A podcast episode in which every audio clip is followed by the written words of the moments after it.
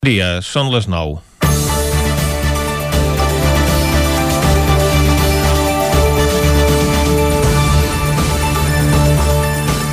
L'inici del segon període de vaccinació pels menors de 60 anys que van rebre el preparat d'AstraZeneca està suposant un mal de cap. No pas com a efecte secundari pels usuaris que se l'administren, sinó per la ministra de Sanitat, Carolina Dàrias. De fet, ja fa temps que la pobra va donar voltes sobre el tema i va anar demorant una decisió que apressava perquè es complien els tres mesos des que es va començar a administrar i ja era hora que els primers vaccinats rebessin la segona dosi. Fa 10 dies que la ministra va decidir que aquest col·lectiu se'ls facilités una segona dosi de Pfizer després de conèixer els resultats d'un estudi dut a terme per l'Institut de Salut Carlos III que determinava que aquesta combinació donava una resposta altament immunològica i amb pocs efectes secundaris. Tot i això va obrir la porta que tothom que volgués la segona dosi també d'AstraZeneca la pogués rebre si signaven un document de conformitat. Aquesta acció intimidatòria no fa sinó alimentar la llegenda negra contra aquest vaccí que se suposa l'origen d'episodis tromboembòlics patits per algunes persones que l'acabaven de rebre. Tot i aquesta suposada relació causa-efecte, la seva incidència és tan menor que la pròpia Agència Europea del Medicament recomanava completar la pauta de vaccinació amb el mateix preparat. Altres especialistes s'han manifestat en la mateixa línia, atenent al principi que no hi ha cap producte farmacològic que sigui totalment inocu pel conjunt de la població. La reacció d'aquest col·lectiu de vaccinats amb AstraZeneca, uns 2 milions en el conjunt de l'Estat, quan han començat a rebre la segona dosi d'aquesta pauta, ha estat concloent. Gairebé el 90% han demanat que se'ls administrés el mateix preparat que la primera, malgrat el fet discriminatori d'haver de signar una conformitat quan en cap moment se'ls va donar a escollir de bones a primeres el vaccí que els immunitzaria. I el nostre territori passa tres quarts al mateix. Estem parlant de ciutadans que treballen als serveis essencials com policies, professors, bombers, fisioterapeutes, etc. Són gent que abans han preferit creure's al col·lectiu científic o l'Agència Europea del Medicament que la pròpia ministra i no fer barreges de vaccins al seu cos. Hi ha algunes comunitats autònomes, com la d'Iscola Madrid, que de fet han proposat repetir la dosi d'AstraZeneca. Altres el que fan és fer signar un document de conformitat estri el que estri. Catalunya, en aquest cas, ha decidit complir amb els protocols establerts. Però, en definitiva, tot plegat ha enervat el Ministeri pel que suposa una deslegitimació de l'estudi que ell mateix va encarregar i que no ha tingut repercussió en la comunitat científica internacional. Però sobretot és una desautorització en tota regla de la ministra. No hi ha pitjor desprestigi per un polític que perdre la confiança de la seva ciutadania. I els fets demostren com en quatre dies, posem-hi quatre mesos, es pot perdre el poc crèdit que havia heretat del seu antecessor al Ministeri. Comencem Territori 17 a la sintonia del 9 FM, Ràdio Cardedeu, La Veu de Sant Joan, Ona Codinenca i el 9 TV. Territori 17, amb Vicenç Vigues i Jordi Sunyer.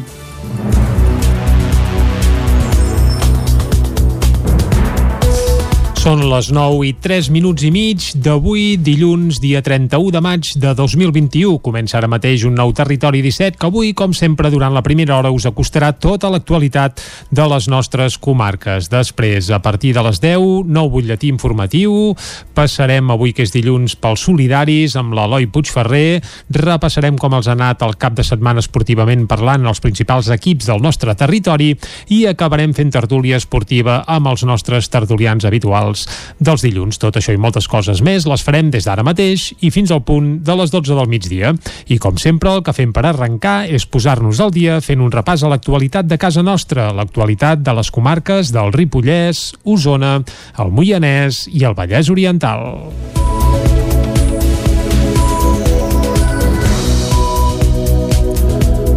L'Ajuntament de Manlleu ha obert una quarta línia d'ajuts per tal de reactivar el comerç i la restauració local. El Pla de Reactivació Municipal de Manlleu ha obert una nova línia d'ajuts al teixit comercial de la ciutat que s'ha vist afectat per les mesures anti-Covid.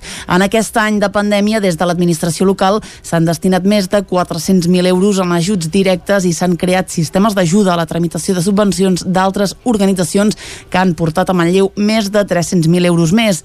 Des del consistori es considera, però, que cal cal continuar injectant capital a les empreses que s'han vist obligades a restringir la seva activitat i per això han obert una nova línia de 130.000 euros que es repartiran segons el tipus de tancament que hagi tingut el negoci. En el cas del tancament obligatori, com l'oci nocturn o els gimnasos, es podrà accedir a fins a 3.000 euros i si el tancament ha estat parcial, com en la restauració, es podrà optar fins a 1.500 euros. La convocatòria estarà oberta fins al proper 6 de juny i esperen rebre més de 80 sol·licituds, ho explica l'alcalde de Manlleu, Àlex Garrido. El 2021, com que veiem que la pandèmia encara no ha acabat, tornem a llançar una nova línia d'ajuts que van de, dels 1.500 als 3.000 euros. Uh -huh. eh? Per tant, hi haurà comerços que han arribat a, a rebre de l'Ajuntament eh, a l'entorn dels 10.000 euros eh, durant tota aquesta crisi eh, pandèmica. A més d'incentivar el comerç amb aquesta compensació econòmica, des del consistori també es plantegen incloure una línia d'ajut al lloguer comercial o incentivar la creació de nous negocis. Precisament el naixement de Viu Manlleu ja va ser un pla de reactivació de la ciutat en tots els sentits, amb molt bona acollida. Eudal Sallarès és el regidor de promoció econòmica de l'Ajuntament de Manlleu és una manera també de, de recolzar un sector econòmic que va patir molt, però també entenem que és promoció econòmica en el fons, perquè la gent que, per, eh, que gaudeix de, de l'activitat eh, cultural doncs segurament es queda a plaça a sopar i això ho vam veure també amb les taules i cadires que, que, vam, que vam comprar. Per tal d'incentivar la vida a la plaça Fra Bernadí, com ja es va fer l'any passat, a partir d'aquest dimarts dia 1 es muntaran el els tendals que fan ombra i permeten augmentar l'aforament de les terrasses. La plataforma d'accés a l'habitatge Baix Montseny recupera el bloc La Moreneta per reallotjar-hi 8 famílies a Sant Celoni. Es tracta d'un bloc de la Sareb 8 des del 2008. David Auladell, de Ràdio Televisió, Cardedeu. En un comunicat, la plataforma d'afectats a la hipoteca assegura que la plataforma no paren d'arribar a casos de famílies i persones en situacions de vulnerabilitat i desemparament per part de l'administració. En aquest bloc hi han reallotjat 8 famílies als pisos rehabilitats fins ara. Des de la plataforma d'afectats a la hipoteca diuen que treballen i seguiran lluitant per aconseguir lloguers socials per les famílies reallotjades als blocs. Per això han de seguir organitzant-se per recuperar la funció social de l'habitatge i plantar cara als bancs i grans tenidors. En aquest sentit, donen la dada que en els darrers 4 anys el moviment Popular per l'Habitatge ha reallotjat més de 80 persones al Baix Montseny. Des de la mateixa entitat manifesten que els Mossos d'Esquadra van amenaçar de fer-los fora durant el cap de setmana i vuit famílies podien quedar-se al carrer. Per això van fer una crida a la ciutadania perquè defensessin la Moraneta i s'hi quedessin a dormir o s'hi acostessin diumenge abans de les 6 del matí. Osona té la tercera ramaderia de l'estat de vaques de raça Waigu. Es tracta del Sunyer de Dalt, una finca de Tabertet regentada pels germans Rafael i Gabriel Ròdenes. Provinents originalment d'una regió del Japó que es diu Kobe, les vaques que fa tres mesos que pasturen en aquesta finca de Tabertet les van adquirir en una explotació d'Extremadura. Poc després d'arribar a Osona es van adaptar al clima i al sistema de pasturatge rotacional que hi ha implantat a la finca El Sunyer de Dalt. Rafael Ròdenes n'és el propietari. Fem un sistema intensiu, eh, rotatiu, regeneratiu, que cada dos dies estan en una parcel·la nova i bueno, aquí es pot veure la diferència de la parcel·la que han estat fa dos dies i la, la nova que entren. Amb això aconseguim que ens deixin tot ple de bosta i d'orina i així podem regenerar tot, tota la terra i tota, tot, tot el que és la gespa, diguéssim, per les vaques. Coneguda per la seva exclusivitat, la carn Kobe és singular perquè té grassa amb omega-3, 6 i 9 infiltrada. Lluny dels mites que l'envolten, els germans Rodenas asseguren que el procés de cria i engreix en aquest tipus de bestiar és molt més complex. Ho explica Gabriel Rodenas, propietari també del ramat. En principi aquesta raça era una raça de treball, eh, una raça per treballar al camp i el que es feia és que els diumenges com a premi, com aquí abans se'ls donaven faves per exemple als matxos o les mules doncs allà se'ls donava o una mica de cervesa, una mica de sake i els massatges eren per, per, per destensionar una mica la musculatura res més la intenció dels germans Rodenas és distribuir aquesta carn als restaurants de la comarca. El preu per a una d'aquestes peces pot oscil·lar entre els 200 i els 300 euros al quilo. El refugi d'animals ja només té 25 gossos a les seves instal·lacions. Isaac Muntades, des de la veu de Sant Joan. L'any passat, el funcionament del refugi d'animals del Ripollès va tenir un cost aproximat de 132.000 euros, la majoria dels quals es van finançar gràcies a una aportació de la Diputació de Girona. Actualment, les instal·lacions tenen una capacitat per 52 gossos, després que el 2019 s'ampliés perquè s'havia observat una situació de superpoblació. Durant l'any passat van entrar-hi un total de 93 gossos nous, 39 dels quals van poder retornar a la família. La xifra d'adopcions va ser de 56. El 2020 es va tancar amb 29 gossos residents, un número que en l'actualitat ja és de 25. A més, enguany hi ha hagut nou adopcions. El president de la Diputació de Girona, Miquel Noguer, va fer una visita la darrera setmana acompanyat del president del Consell Comarcal, Joaquim Colomer, i del vicepresident del Consell, Enric Pérez, i va valorar el bon funcionament de l'equipament. Funciona bé perquè té unes entrades que no arriben al centenar d'animals cada any, però que més tenen una adopció que sobrepassen el 50%, doncs bueno, també eh, demostra dues coses, la gestió i alhora també la voluntat de la gent que és també doncs, de poder fer adopcions de, dels animals per tenir-los a casa, no? Però bueno, bé, hi ha animals que per la seva edat o per la seva estructura, és a dir, animals molt grossos que costa molt tenir-los en una casa, o si són amb més perillositat també, doncs la gent costa més d'adoptar i per tant han d'estar aquí. El president del Consell explicava que aquesta visita s'havia organitzat com una mostra d'agraïment a la Diputació per la seva ajuda i perquè el president pogués veure amb què s'invertien els diners. Noguer va explicar les aportacions que hi fa l'ENS supracomarcal. Aquests refugis eh, d'animals, en aquest cas del Ripollès, nosaltres tenim un conveni en cada, amb els Consells comarcals en el qual són 5,5 milions d'euros anuals. En el Ripollès deuen ser uns 500 eh, i pico de mil, en el qual una de les potes que hi ha és el manteniment d'aquests refugis d'animals. Per tant, d'aquests 500.000, aproximadament 100.000 se'n venen al manteniment d'aquestes instal·lacions. El manteniment de les instal·lacions, el menjar als animals, etc. Llavors hi col·laboren, com no pot ser d'altra manera, els diferents ajuntaments que se'ls donen el servei, que precisament per això és un servei comarcal, no? Si això costa, el president deia, uns 130.000 euros l'any, clar, imaginem-se que la Diputació no portés aquests 100.000. Tindrien un cost elevadíssim per animal que haurien de fer-se encàrrec als diferents ajuntaments. Els darrers 12 mesos s'han fet força millores a l'equipament. Per exemple, s'ha aconseguit un vehicle nou de rènting més modern i equipat perquè l'anterior havia quedat vell i obsolet. Es va pavimentar parcialment el camí d'accés mitjançant finançament del Departament de Territori, es van repintar els bocs de recepció, es van desbrossar els entorns, es va posar un sistema de calefacció similar al de les granges a tres bocs per adequar-los per a gossos malalts o d'edat avançada, es van cobrir els espais entre bocs per augmentar l'aixopluc en cas de pluja, es van fer millores a les tanques de fusta i arranjaments al paviment. Aquest 2021 es vol reforçar un mur de contenció de la zona d'esbarjo que sustenta la feixa intermèdia de les instal·lacions, millorar-hi l'accés, eliminar la piscina que hi ha per acabar amb un focus de brutícia i mosquits i millorar les tanques de la reixa. Oques Grasses ha publicat el seu cinquè disc. Porta per títol A tope amb la vida i va veure la llum aquest divendres després d'un any complex per la banda. A tope amb la vida, així es titula el nou disc d'Oques Grasses, un treball que va sortir a la llum aquest divendres després d'un any complex per la banda. Tot i que hi havia temes començats abans de la pandèmia, el disc s'ha cuinat en ple confinament. Una etapa vital pels membres del grup que es veu reflectida en els 10 temes del disc. Conscients que el 2020 no van poder viure tot el que haurien volgut, ara volen transmetre ganes de viure i de passar-ho bé. Josep Montero és el cantant d'Oques Grasses. I és el de tope amb la vida, aquest és com el punt de, encara que hi hagin imprevistos o que hi hagin, que passis mals moments o el que sigui, val la pena valorar el fet de, de, de que estem vius i d'aprofitar-ho. A tope amb la vida hi han col·laborat els Stay Homes, Rita Paiés i els rapers Doble i Santa Salut. No hi falten ritmes llatins amb picades d'ullet a Ricky Martin o Chayanne, ho explica Guillem Rialp, baixista d'Oques Grasses. Sempre els discos, o sigui, cada disco que hem fet ha sigut diferent sempre, jo què sé, hem intentat evolucionar i buscar nous ritmes, noves estils de música, noves influències i també treure una miqueta la, la por a investigar, a provar coses noves, no? Vull dir que la prova d'això és que el primer disc va ser d'una manera, el segon d'una altra, pim, pim, pim, i hem anat canviant. Vull dir que això és saludable com a grup i, bueno, s'ha plasmat amb aquest disco. A principis de mes el grup es va retrobar amb el públic, va ser a les escales de la catedral de Girona i amb el públic assegut és raro veure la gent a l'escalainata asseguda com amb les ganes contingudes també, que s'ho estan passant superbé i es, i es veu perquè estan allà com a tope, però com, ostres, ara no puc, no puc aixecar-me, ah, ara d'estar assegut, no? Mous la cama, mous no sé què, balles assegut a la cadira. És, és, és raro, és raro.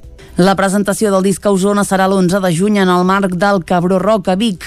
Al llarg de l'estiu també faran parada a Manresa, Canet de Mar, València, Barcelona i Tarragona. Esports. Les inclemències meteorològiques respecten la prova esportiva Oncodines Trail. La cursa solidària es va dur a terme dissabte sense incidències i sota un sol de justícia. Caral Campàs, des d'Ona Codinenca. La primera cursa solidària Oncodines Trail de Sant Feliu de Codines, que havia quedat suspesa al març de 2020 per culpa de la pandèmia, es va córrer aquest cap de setmana. El repte esportiu, tot i els tres aplaçaments petits, ha tingut un gran èxit de participació, amb un total de 114 equips eh, inscrits i aconseguint una recaptació de més de 100.000 euros. L'Oncodines Trail neix com a homenatge a la Glòria, companya d'equip dels impulsors de la iniciativa que va morir com a conseqüència d'un càncer. De fet, el fet d'haver participat participat conjuntament en proves solidàries com l'Oncotrail de Palafrugell i la determinació dels organitzadors de lluitar encara més activament contra aquesta malaltia va fer néixer l'Oncodines. Lluís Comet, director de l'Oncotrail de Palafrugell, va visitar aquest dissabte el centre de coordinació de la prova situat a l'Ajuntament de Sant Feliu. Uh, hi ha gent que diu, no fa por que faci la competència a Oncotrail? I dic, no, cap ni una. Dic, ojalà totes les províncies, no vull dir totes les comarques, però tot arreu on hi hagi una organització que lluita contra el càncer, sortissin curses com aquestes. Si, si n'hi ha 20, que n'hi hagi 20, si n'hi ha 30, que n'hi hagi 30. L'important és recollir entre tots molt per ajudar el malalt de càncer. I aquest, per mi, és, és l'orgull d'Oncotrail, que la gent s'emmiralli i tregui coses com ella. El divendres 11 de juny, a l'Auditori de Vigues i Riells es farà l'acte de donació de la recaptació. Mercè Serratacó, alcaldessa de Sant Feliu, valorava molt positivament la iniciativa. Estem molt, molt, molt contents de l'organització tal com ha anat, està funcionant molt bé ha tingut una acceptació increïble i la veritat és que estem orgullosos de la gent de Sant Feliu que ha organitzat aquesta cursa. Estem, el primer, molt, molt orgullosos de tothom, ha anat molt bé. És la primera vegada que ho fem a Sant Feliu, una cursa d'aquest estil, i la veritat és que penso que s'hauria de repetir perquè realment el resultat és increïble. La prova tenia sortida i arribada a Sant Feliu de Codines, travessava 11 pobles, 10 del Vallès Oriental i Sant Quirze de Safaja del Moianès i constava de tres possibles recorreguts, un de 71 quilòmetres corrent i dos de 56 i de 43 pels que volguessin fer-la caminant. I fins aquí el butlletí informatiu que us hem ofert amb Vicenç Vigues, Clàudia Dinarès, David Auladell, Caral Campàs i Isaac Muntades. Ara és el moment de parlar del temps. De seguida saludem en Pep Acosta.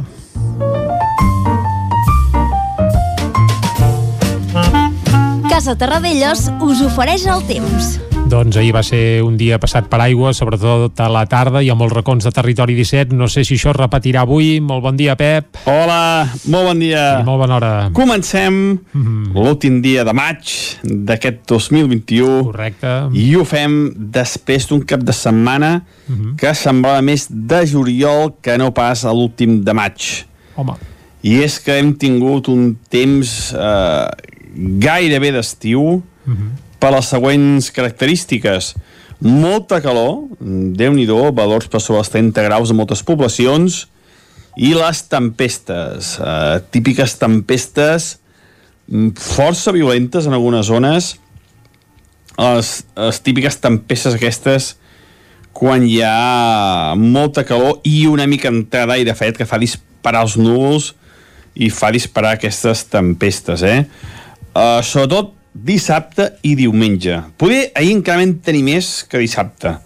Uh, hem tingut uh, registres de precipitacions de, entre dos dies sumats més 60 litres cap a zones del Pirineu com Sant Pau de Segúries cap al Montseny entre 20 i 30 litres i el prelitoral més modestes, eh? però també 10-15 en algunes poblacions Localment segur que encara ha plogut més, eh? Uh, només he dit on hi ha observatoris meteorològics. Segur que localment a algun punt ha, hi ha hagut algun aiguat uh, força més important i es pot més superar dels 70-80 litres fins i tot aquest cap de setmana però clar, és impossible tenir un poliòmetre a tots els llocs, no, ah, no evident, pot ser. Evident. Uh -huh. El que sí que, que observem i el que era molt clar és que les tempestes es formen cap al Pirineu i viatjava en direcció cap a mar, eh? Uh, es formaven al Pirineu i vi... no s'estancaven, eh, s'empenyien, o sigui, es desplaçaven cap a mar i cap al prelitoral. I, lògicament, al prelitoral arribaven ja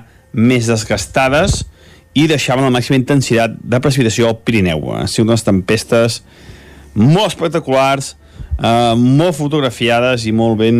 Eh, que han ajudat a que el maig no sigui un mes tan sec com el que com el que es plantejava, eh? perquè era un mes molt, molt sec i aquestes últimes tempestes fa que no ho sigui, que no ho sigui tant. A part de les tempestes, destacar les temperatures aquest cap de setmana. Hem sopat els 30 graus a moltes zones les màximes, les mínimes han baixat de entre 10 i 15 graus, unes temperatures molt altes aquest cap de setmana, molts pocs vents, els vents fluixos, direccions variables, un cap de setmana, per tant, gairebé de juliol. I avui, avui la inestabilitat ja disminueix. Ens hem llevat amb les temperatures també força suaus, només per sota dels 10 graus, en algun punt molt localitzat, els més fets de les nostres comarques, però la majoria de les mínimes ja per sobre d'aquests 10 graus. I fa força sol, fa molt de sol, però novament, cap al migdia, creixeran nuvolades. Nuvolades que no seran ni de bon tros tan importants com dissabte o com ahir, com ahir diumenge. I afectaran mm, majoritàriament avui a la zona del Pirineu aquestes nuvolades i aquestes tempestes. Localment poden tornar a ser fortes. No crec que tant com a cap de setmana, però localment poden deixar 10, 20, 30 litres, eh? Per tant, eh, precaució si algú va cap a la zona del Pirineu, que aquesta tarda tornaran les tempestes. Cap a la zona interior, és més difícil que arribin aquestes tempestes. Avui es quedaran més estancades cap a la zona del Pirineu. A destacar que les temperatures baixaran una mica, vam tocar sostre dissabte, ahir van ser una mica més baixes, i avui encara baixaran més. No, eh, no espereu que cap població de les nostres comarques s'arribi als 30 graus. Per tant, un ambient una mica més suau, eh? una mica més de finals de maig, que és on estem. I els vents, direcció variable, fluixos, no gaire destacats, al moment de tempestes sí una mica més destacats, però bueno, no, no, no serà notícia meteorològica del dia aquests vents. I això és tot. A disfrutar el dia d'avui, un dia amb sol al matí i amb tempestes a la tarda més localitzades a les zones de l'Alt Pirineu, les zones del Pirineu. Moltes gràcies, fins demà, adeu. Ja, gràcies a tu, Pep, salut, i nosaltres ara anem cap al quiosc. Casa Tarradellas us ha ofert aquest espai. Territori 17. Envia'ns les teves notes de veu per WhatsApp al 646 079 023. 646 079 023. WhatsApp Territori 17.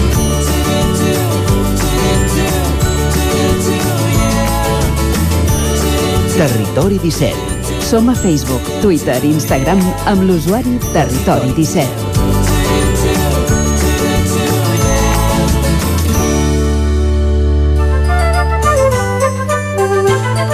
És el moment de repassar les portades dels diaris d'avui. Clàudia, comencem amb el 9-9. Bon dia de nou, doncs si comencem amb l'edició d'Osona i el Ripollès, que diu el 80% dels vacunats amb AstraZeneca a Vic opten per no canviar en la segona dosi. El risc de rebrot a Osona baixa fins al 85, una xifra que no s'assolia des de l'estiu passat. A la imatge, tres expresidents de la Generalitat a Ripoll. Ripoll va reunir divendres al matí tres expresidents de la Generalitat en un acte organitzat per la plataforma Ripoll 2030 per difondre els objectius de desenvolupament sostenible. Altres titulars, la nova tarifa en la factura de la llum entra en vigor aquest dimarts. ANR no descarta ara optar per un tercer mandat com a alcaldessa de Vic i el centellenc Jordi Díez fa una escultura de Rafa Nadal per al Roland Garros. Anem a l'edició del Vallès Oriental que diu primer pas per l'autorització del projecte de parc solar fotovoltaic a Marata. La ponència d'energia energies renovables rebutja, en canvi, el projecte de la Roca. A la imatge, ocupació d'un bloc a Sant Celoni. La plataforma d'afectats per l'habitatge i el capitalisme del Baix Montseny ha anunciat aquest cap de setmana l'ocupació d'un bloc de 8 habitatges, propietat de la Sareb, al carrer Montserrat de Sant Celoni. Com ens explicava el nostre company David uh, Auladell, l'edifici ha de, estat batejat com la Moreneta i s'hi allotgen 8 famílies vulnerables. Més titulars, noves recerques modifiquen la llista de víctimes del bombardeig i adjudicada la supressió de passos a nivell a la Garriga. Anem a veure de què parlen els diaris catalans. Anem al punt avui que diu l'ANC insta a la desobediència civil. Palucie tanca l'assemblea criticant les lluites de partit entre Esquerra i Junts per Catalunya. A la imatge històric triplet del Barça, l'equip guanya la Copa de la Reina contra el Llevant i assoleix el tercer títol en 22 dies amb la Lliga i amb la Champions. Champions. I les víctimes del 17 d'agost estudien presentar recurs. Anem al diari Ara, que diu Front Comú del món empresarial per ampliar l'aeroport del Prat. A la imatge Copa Lliga i Champions, les jugadores del Barça van completar ahir una temporada espectacular amb la victòria a la Copa 4-2 contra Llevant, que els dona el primer triplet de la seva història. Avui l'Ara obre un reportatge on eh, parla de tots els homes i les dones del president. Aragonès tria pesos pesants del partit i d'economia i algun fitxatge sorpresa. Anem al periòdico, que evidentment obre amb aquestes noies del Barça, diu elles fan el salt. El triplet del Barça, després de guanyar la Copa de Llevant, fa un nou pas cap a la igualtat en l'esport més enllà del futbol. I canvi de lideratge en el procés. La nova legislatura catalana, lluny de la convulsa tardor del 2017, deixa en un segon pla Junqueras i Puigdemont. A l'avantguàrdia, el món econòmic considera imprescindible l'ampliació del Prat, les noies blaugrana guanyen també la Copa i l'oposició israeliana pacta treure del poder a Netanyahu. Acabem el recorregut a Madrid. Anem al país que diu Sánchez planteja reformar ja la sedició per reforçar l'indult. L'oposició israeliana s'alia per desallotjar del poder a Netanyahu i la Unió Europea tem que Rússia intenti anexionar Bielorússia. Al Mundo, el PNB fa servir la debilitat de Sánchez per exigir un altre model territorial. Rajoy va ser informat puntualment de l'espionatge a Bárcenas i a la imatge alerta la tercera boda de Boris Johnson. És el titular del Mundo. Anem a la Razón que diu càstig al PSOE, complot contra Netanyahu i Marroc trencarà relacions, si no ja mesures contra Gali. Acabem, com sempre, amb l'ABC, que obre amb un tema que no havíem vist fins ara. Diu el PSOE demana presó pels pro-vida que combatin l'avortament. Proposa canviar el Codi Penal per castigar fins a un any de presó als qui persegueixin a les dones davant de clíniques avortistes. Tots els diaris catalans obren la seva portada amb el triplet del Barça femení, en canvi aquesta notícia només apareix a la premsa madrilenya en un titulet de El País. Hem fet aquest recorregut per les portades d'avui, és hora ara de posar punt i final a aquest bloc informatiu. Exacte, Vicenç, posem el punt i final al bloc informatiu. De seguida anem a fer una pausa i tornarem a dos quarts en punt aquí a Territori 17, com sempre, acostant-vos de nou l'actualitat de casa nostra. Una pausa i tornem de seguida. Fins ara.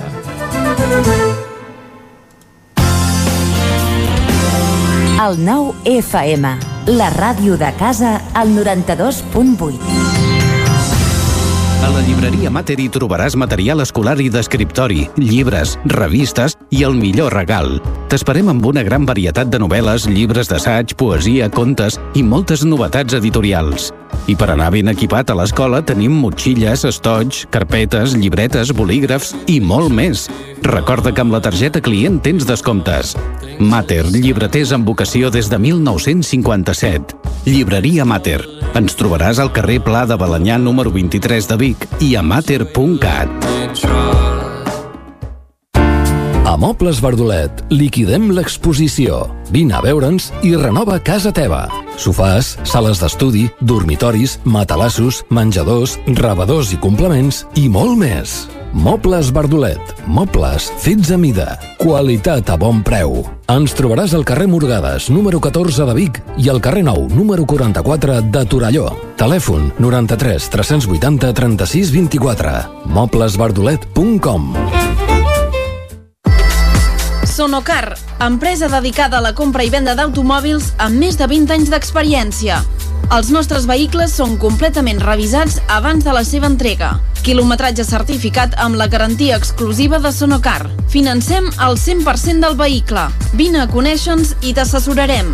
Sonocar, ens trobaràs a la Rambla Josep Tarradellas, número 2 de Vic, al telèfon 93 883 31 28 i a sonocar.cat. A Corretja tenim tot el que necessites per la teva llar. Tot tipus de paviments i revestiments, sistemes d'aïllament, cobertes, parquets, aixetes, ferreteria, pintures, fixació i cargoleria, vestuari i material de seguretat.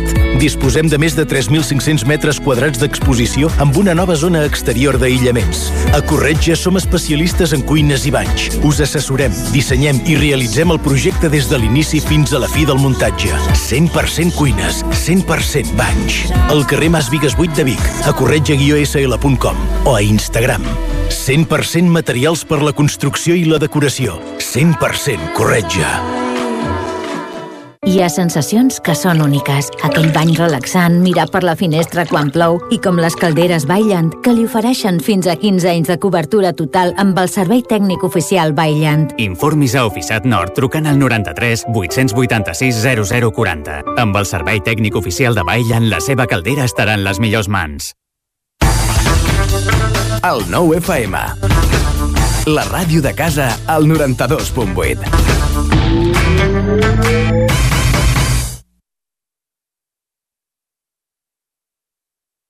Territori 17, amb Vicenç Vigues i Jordi Sunyer.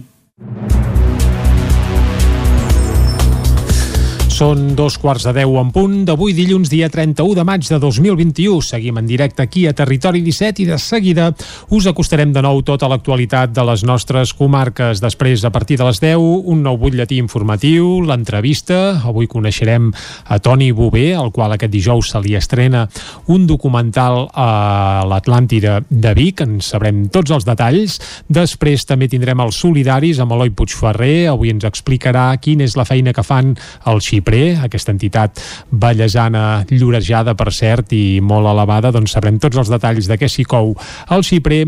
També repassarem com els ha anat el cap de setmana els principals equips del nostre territori i acabarem, com fem sempre els dilluns, fent tertúlia esportiva, parlant d'aquest Barça de futbol femení que s'han dut el triplet. També tindrem temps, això sí, per saber què es va cuinant de cara a la temporada vinent a la primera divisió, amb temes com la continuïtat de Ronald Koeman al capdavant del Barça masculí, que ara mateix evidentment no és pas del tot eh, no està del tot lligada i també veurem què passa amb Leo Messi i moltes coses més, tot això ho farem des d'ara mateix i fins a les 12 del migdia i com sempre el que toca ara per continuar és acostar-vos de nou l'actualitat de casa nostra, l'actualitat de les comarques del Ripollès, Osona, el Moianès i el Vallès Oriental. L'Ajuntament de Manlleu ha obert una quarta línia d'ajuts per tal de reactivar el comerç i la restauració local. El Pla de Reactivació Municipal de Manlleu ha obert una nova línia d'ajuts al teixit comercial de la ciutat que s'ha vist afectat per les mesures anti-Covid. En aquest any de pandèmia, des de l'administració local, s'han destinat més de 400.000 euros en ajuts directes i s'han creat sistemes d'ajuda a la tramitació de subvencions d'altres organitzacions que han portat a Manlleu més de 300.000 euros més.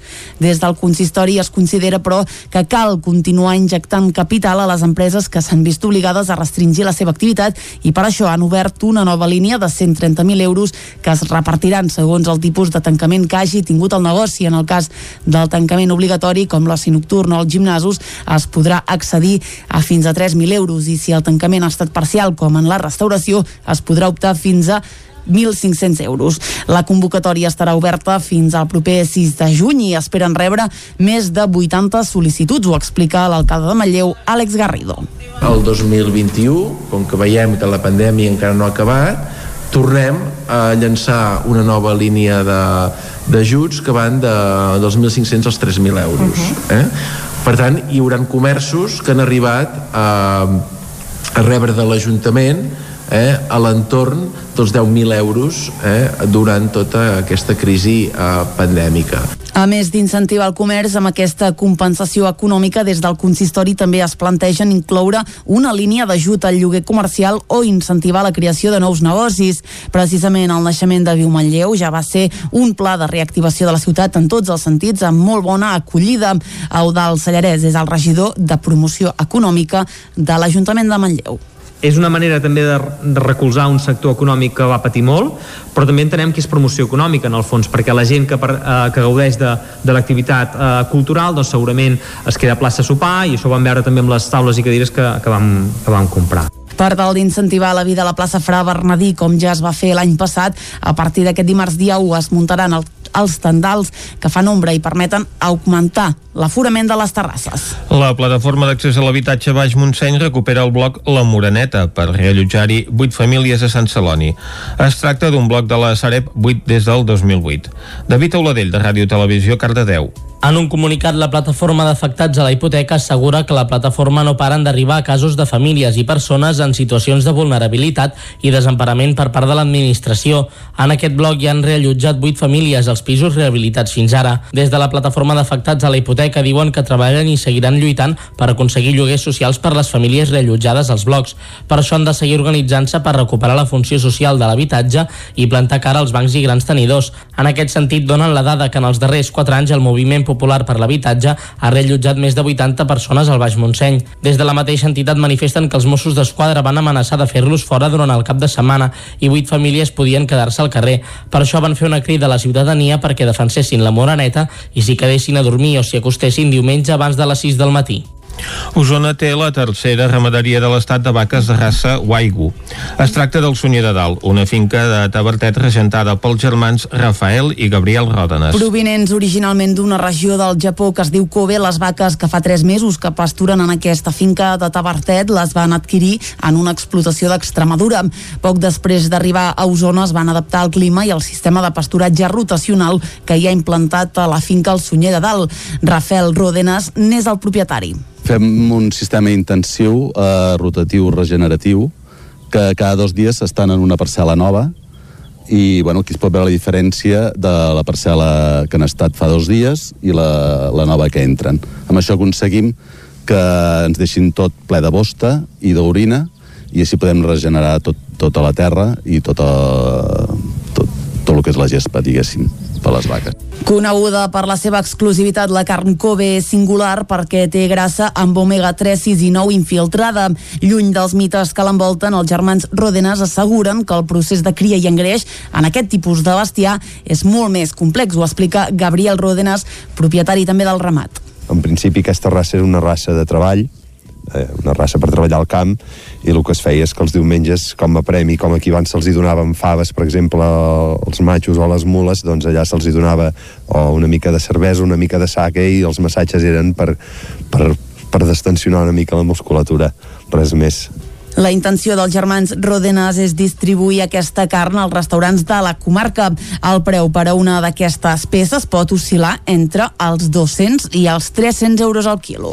El refugi d'animals ja només té 25 gossos a les seves instal·lacions. Isaac Muntades, des de la veu de Sant Joan. L'any passat, el funcionament del refugi d'animals del Ripollès va tenir un cost aproximat de 132.000 euros, la majoria dels quals es van finançar gràcies a una aportació de la Diputació de Girona. Actualment, les instal·lacions tenen una capacitat per 52 gossos, després que el 2019 s'ampliés perquè s'havia observat una situació de superpoblació. Durant l'any passat van entrar-hi un total de 93 gossos nous, 39 dels quals van poder retornar a la família. La xifra d'adopcions va ser de 56. El 2020 es va tancar amb 29 gossos residents, un número que en l'actualitat ja és de 25. A més, enguany hi ha hagut nou adopcions. El president de la Diputació de Girona, Miquel Noguer, va fer una visita la darrera setmana acompanyat del president del Consell Comarcal, Joaquim Colomer, i del vicepresident del Consell, Enric Pérez, i va valorar el bon funcionament de l'equipament. Funciona bé perquè té unes entrades que no arriben al centenar d'animals cada any, però que més tenen una adopció que sobrepassen el 50%, doncs bueno, també eh, et demostra dues coses, la gestió i alhora també la voluntat de la gent que és també doncs, de poder fer adopcions de, dels animals per tenir-los a casa, no? Però bueno, bé, hi ha animals que per la seva edat o per la seva estructura, és a dir, animals molt grossos que costa molt tenir-los en una casa, o si són amb més perillositat també, doncs la gent costa més d'adoptar i per tant han d'estar aquí. El president del Consell explicava que aquesta visita s'havia organitzat com una mostra d'agraïment a la Diputació per la seva ajuda i perquè el president pogués veure amb què s'invertien els diners. Noguer va explicar les aportacions que hi fa l'ENS supracomarcal. Aquests refugis eh, d'animals, de, en aquest cas del Ripollès, nosaltres tenim un conveni en cada, amb els consells comarcals en el qual són 5,5 milions d'euros anuals. En el Ripollès deuen ser uns 500 eh, i pico de mil, en el qual una de les potes que hi ha és el manteniment d'aquests refugis d'animals. Per tant, d'aquests 500.000, aproximadament 100.000 se'n venen al manteniment d'aquestes instal·lacions. El manteniment de les instal·lacions, el menjar als animals, etc. Llavors hi col·laboren, com no pot ser d'altra manera, els diferents ajuntaments que se'ls donen el servei, que precisament per això és un servei comarcal, no? Si això costa, el president em deia, uns 130.000 200.000 euros l'any. Clar, imaginem-se que la Diputació no portés aquests 100.000. Tindrien un cost elevadíssim per animal que haurien de fer-se encàrrec els diferents ajuntaments. Els darrers 12 mesos s'han fet força millores a l'equipament. Per exemple, s'ha aconseguit un vehicle nou de rènting més modern i equipat perquè l'anterior havia quedat vell i obsolet. Es va pavimentar parcialment el camí d'accés mitjançant finançament del Departament de Territori, es van repintar els bocs de recepció, es van desbrossar els entorns, es va posar un sistema de calefacció similar al de les granges a tres bocs per adequar-los per a gossos malalts o d'edat avançada, es van cobrir els espais entre bocs per augmentar l'aixopluc en cas de pluja, es van fer millores a les tanques de fusta i arranjaments al paviment. Aquest 2021 es vol reforçar un mur de contenció de la zona d'esbarjo que sustenta la feixa intermèdia de les instal·lacions, millorar-hi l'accés, eliminar la piscina que hi ha per acabar amb un focus de brutícia i mosquits i millorar les tanques de la reixa. Oques Grasses ha publicat el seu cinquè disc. Porta per títol A tope amb la vida i va veure la llum aquest divendres després d'un any complex per la banda. A tope amb la vida, així es titula el nou disc d'Oques Grasses, un treball que va sortir a la llum aquest divendres després d'un any complex per la banda. Tot i que hi havia temes començats abans de la pandèmia, el disc s'ha cuinat en ple confinament. Una etapa vital pels membres del grup que es veu reflectida en els 10 temes del disc. Conscients que el 2020 no van poder viure tot el que haurien volgut, ara volen transmetre ganes de viure i de passar-ho bé. Josep Montero és el cantant d'Oques Grasses. I és el tope amb la vida, aquest és com el punt de, encara que hi hagin imprevistos o que hi hagin, que passis mals moments o el que sigui, val la pena valorar el fet de, de, de que estem vius i d'aprofitar-ho. A tope amb la vida hi han col·laborat els Stay Homes, Rita Paiés i els rapers Doble i Santa Salut. No hi falten ritmes llatins amb picades d'ullet a Ricky Martin o Chayanne, ho explica Guillem Rialp, baixista d'Oques Grasses. Sempre els discos, o sigui, cada disco que hem fet ha sigut diferent sempre, jo què sé, hem intentat evolucionar i buscar nous ritmes, noves estils de música, noves influències i també treure una miqueta la, la por a investigar, a provar coses noves, no? Vull dir que la prova d'això és que el primer disc va ser d'una manera, el segon d'una altra, pim, pim, pim, i hem anat canviant. Vull dir que això és saludable com a grup i, bueno, s'ha plasmat amb aquest disco. A principis de mes el grup es va retrobar amb el públic, va ser a les escales de la Catedral de Girona i amb el públic assegut és raro veure la gent a l'escalainata asseguda com amb les ganes contingudes també, que s'ho estan passant superbé i es, i es veu perquè estan allà com a tope, però com, ostres, ara no puc, salt, no puc aixecar-me, ah, ara està assegut, no? Mous la cama, mous no sé què, balles assegut a la cadira. És, és, és raro, és raro. La presentació del disc a Osona serà l'11 de juny en el marc del Cabró Rock a Vic. Al llarg de l'estiu també faran parada a Manresa, Canet de Mar, València, Barcelona i Tarragona. Esports. Les inclemències meteorològiques respecten la prova esportiva Oncodines Trail. La cursa solidària es va dur a terme dissabte sense incidències i sota un sol de justícia. Caral Campàs, des d'Ona Codinenca. La primera cursa solidària On Codines Trail de Sant Feliu de Codines, que havia quedat suspesa al març de 2020 per culpa de la pandèmia, es va córrer aquest cap de setmana. El repte esportiu, tot i els tres aplaçaments petits, ha tingut un gran èxit de participació amb un total de 114 equips eh, inscrits i aconseguint una recaptació de més de 100.000 euros. L'Oncodines Trail neix com a homenatge a la Glòria, companya d'equip dels impulsors de la iniciativa que va morir com a conseqüència d'un càncer. De fet, el fet d'haver participat participat conjuntament en proves solidàries com l'Oncotrail de Palafrugell i la determinació dels organitzadors de lluitar encara més activament contra aquesta malaltia va fer néixer l'Oncodines. Lluís Comet, director de l'Oncotrail de Palafrugell, va visitar aquest dissabte el centre de coordinació de la prova situat a l'Ajuntament de Sant Feliu. Uh, hi ha gent que diu, no fa que faci la competència a Oncotrail? I dic, no, cap ni una. Dic, ojalà totes les províncies, no vull dir totes les comarques, però tot arreu on hi hagi una organització que lluita contra el càncer, sortissin curses com aquestes. Si, si n'hi ha 20, que n'hi hagi 20, si n'hi ha 30, que n'hi hagi 30. L'important és recollir entre tots molt per ajudar el malalt de càncer. I aquest, per mi, és, és l'orgull d'Oncotrail, que la gent s'emmiralli i tregui coses com ella. El divendres 11 de juny, a l'Auditori de Vigues i Riells es farà l'acte de donació de la recaptació. Mercè Serratacó, alcaldessa de Sant Feliu, valorava molt positivament la iniciativa. Estem molt, molt, molt contents de l'organització tal com ha anat, està funcionant molt bé ha tingut una acceptació increïble i la veritat és que estem orgullosos de la gent de Sant Feliu que ha organitzat aquesta cursa. Estem, el primer, molt, molt orgullosos de tothom, ha anat molt bé. És la primera vegada que ho fem a Sant Feliu, una cursa d'aquest estil, i la veritat és que penso que s'hauria de repetir perquè realment el resultat és increïble. La prova tenia sortida i arribada a Sant Feliu de Codines, travessava 11 pobles, 10 del Vallès Oriental i Sant Quirze de Safaja del Moianès i constava de tres possibles recorreguts, un de 71 quilòmetres corrent i dos de 56 i de 43 pels que volguessin fer-la caminant. I fins aquí el butlletí informatiu que us hem ofert amb Vicenç Vigues, Clàudia Dinarès, David Auladell, Caral Campàs i Isaac Muntades. Ara és el moment de parlar del temps. De seguida saludem en Pep Acosta.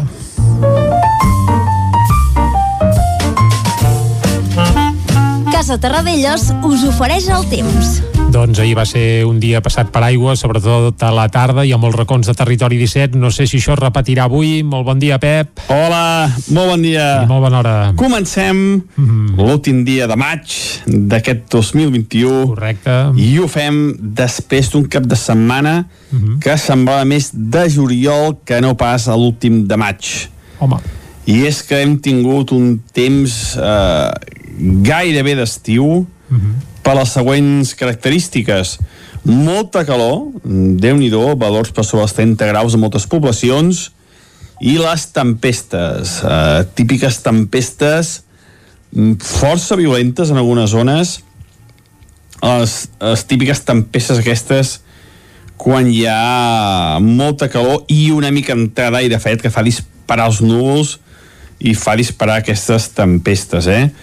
Uh, sobretot dissabte i diumenge. Poder ahir encara vam tenir més que dissabte. Uh, hem tingut uh, registres de precipitacions de, entre els dos dies sumats més 60 litres cap a zones del Pirineu com Sant Pau de Segúries cap al Montseny entre 20 i 30 litres i el prelitoral més modestes, eh? però també 10-15 en algunes poblacions Localment segur que encara ha plogut més, eh? Uh, només he dit on hi ha observatoris meteorològics. Segur que localment algun punt ha, hi ha hagut algun aiguat uh, força més important i es pot més superar dels 70-80 litres fins i tot aquest cap de setmana però clar, és impossible tenir un poliòmetre a tots els llocs, no, ah, no evident, pot ser. Evident. Uh. El que sí que, uh, que observem i el que era molt clar és que les tempestes es formen cap al Pirineu i viatjava en direcció cap a mar, eh? Uh, es formava al Pirineu i vi... no s'estancaven, eh, s'empenyien, o sigui, es desplaçaven cap a mar i cap al prelitoral. I, lògicament, al prelitoral arribaven ja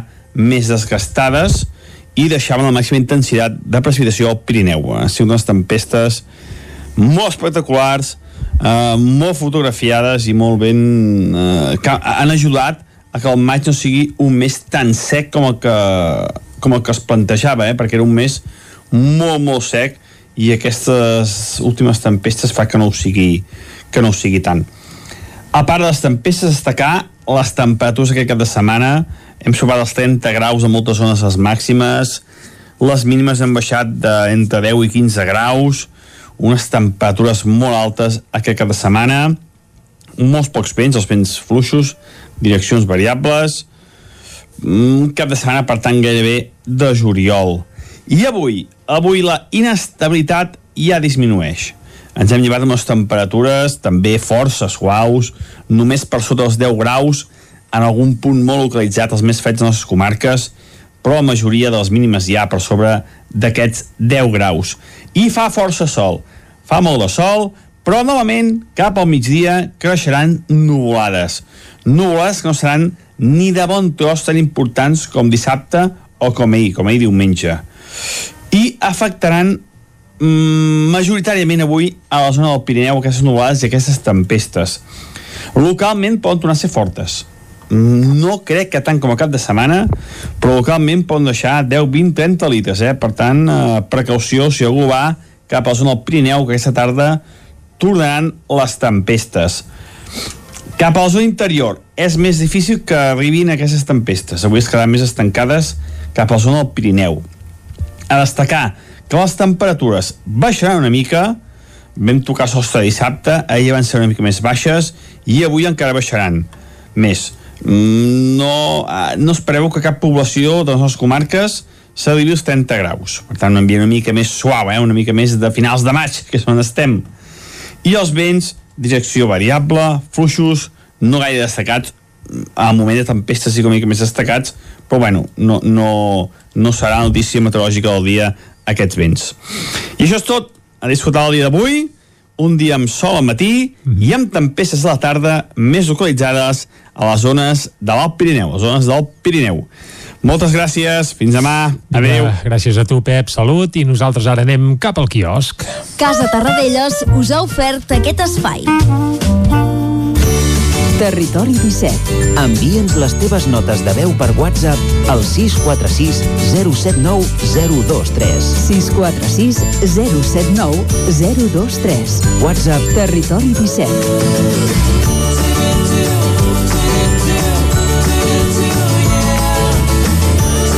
Territori 17. Som a Facebook, Twitter i Instagram amb l'usuari Territori 17.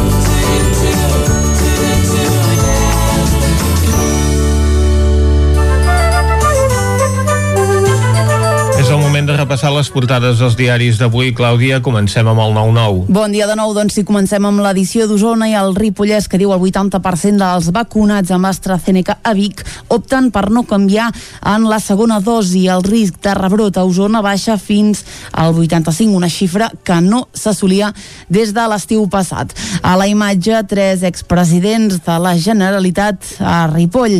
Ripoll va reunir divendres al matí tres expresidents de la Generalitat en un acte organitzat per la plataforma Ripoll 2030 per difondre els objectius de desenvolupament sostenible.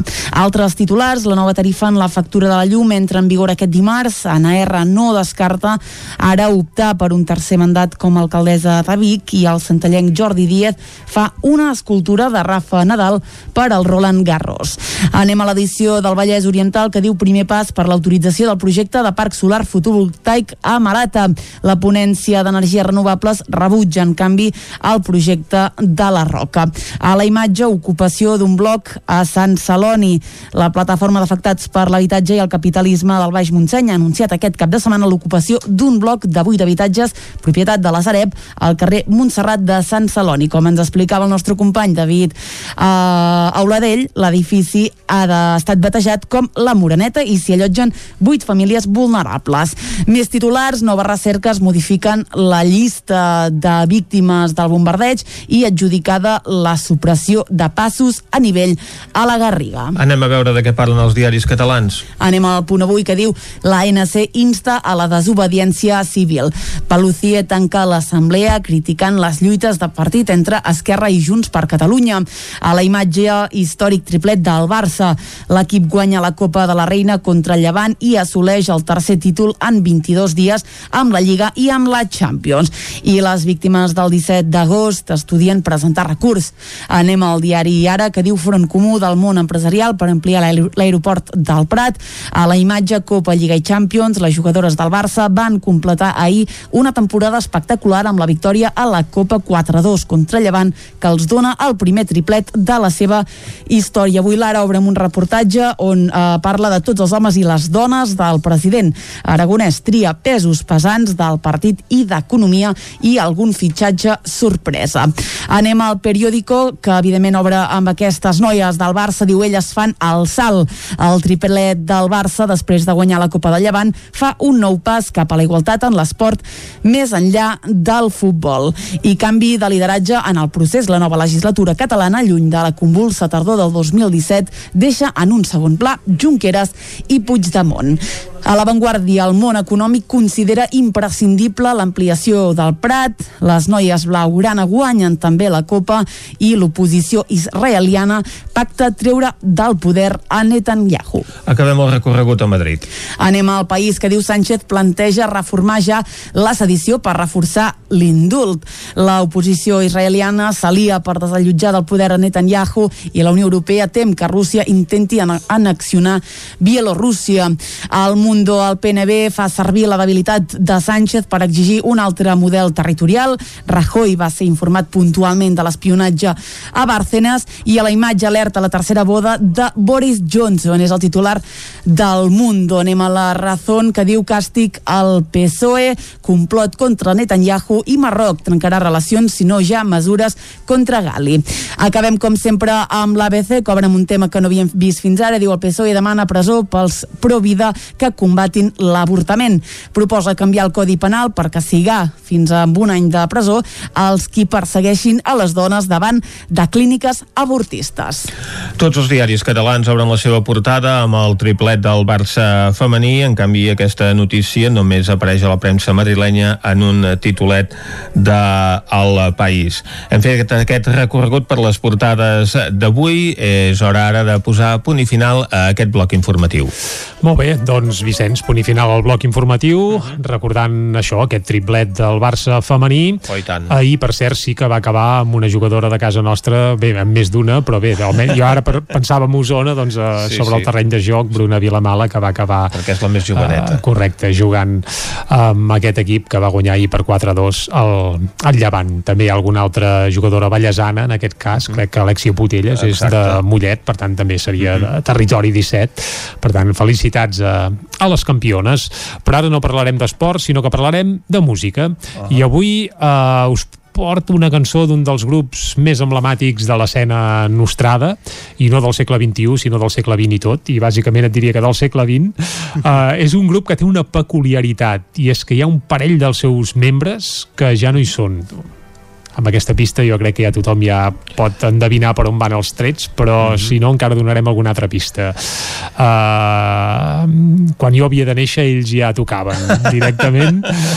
I encara ho fan, encara estan vius i actius i això és d'un mèrit impressionant. Va, I tant. estem parlant de la companyia elèctrica d'Arma i la companyia elèctrica d'Arma ha tornat aquest cap de setmana Uh, fent allò que no feien al segle passat, que és treure singles, allò fer aparèixer cançons així com qui no vol la cosa, doncs aquest cap de setmana han publicat Els carrers. És una peça, bé, on hi ha el típic clam aquell dels carrers seran sempre nostres, doncs uh, evidentment ells se l'han fet seu, n'han fet una revisió i cal dir que eh, tot plegat està fet sobre un poema d'en Josep Fortuny, el bateria i lletrista de la Dharma, però el Josep Fortuny, com bé dèiem, ja no hi és, perquè recordem que la companyia elèctrica d'Arma doncs hi ha l'Esteve Fortuny, que ja va morir als anys 80 després d'un concert, per cert, a Cardedeu, i el Josep Fortuny, que va morir també, malauradament, ja fa uns anys. Eh, I farà bé, 35 anys ara, no? De la seva mort. De l'Esteve, de l'Esteve de sí, del l'Esteve. Josep en fa menys No, i ara no t'ho sabria dir, deu fer 3 o 4 anys, tampoc no, no fa pas gaire. Algun més. Uh, sí, potser algun més, és que el temps passa, passa molt de pressa. Bé, el tema és que la Dharma han tornat amb aquesta peça que es diu Els carrers, que és una peça que ja van gravar durant el Flamarada l'any 2019, aquest disc és el seu darrer disc d'estudi, per cert hi havia una cançó amb lletra del Jordi Cuixart i tot, doncs em van deixar un allò al calaix i és aquest Els carrers. Ara l'han tonejat una mica, l'han regravat i és el que escoltarem ara fins a arribar al punt de les 10. Sí? Molt bé. Doncs vinga, els carrers de la Dharma. Amb això arribem fins a les 10 avui a Territori 17. El carrer no és de la policia. El carrer és vent de llibertat. Els carrers seran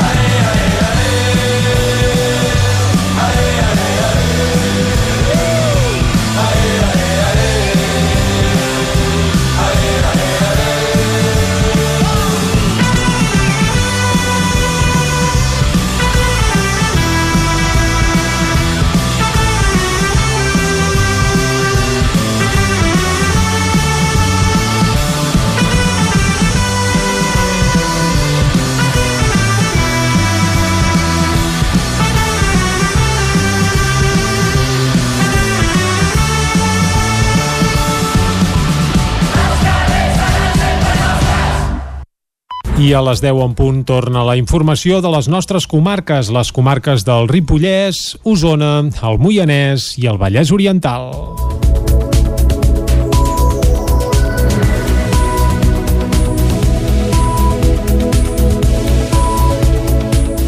La Guàrdia Urbana i els Mossos d'Esquadra van intervenir en dos apunyalaments a Vic separats per només 4 dies. El primer es va produir el divendres 21 de maig a la carretera de la Guixa.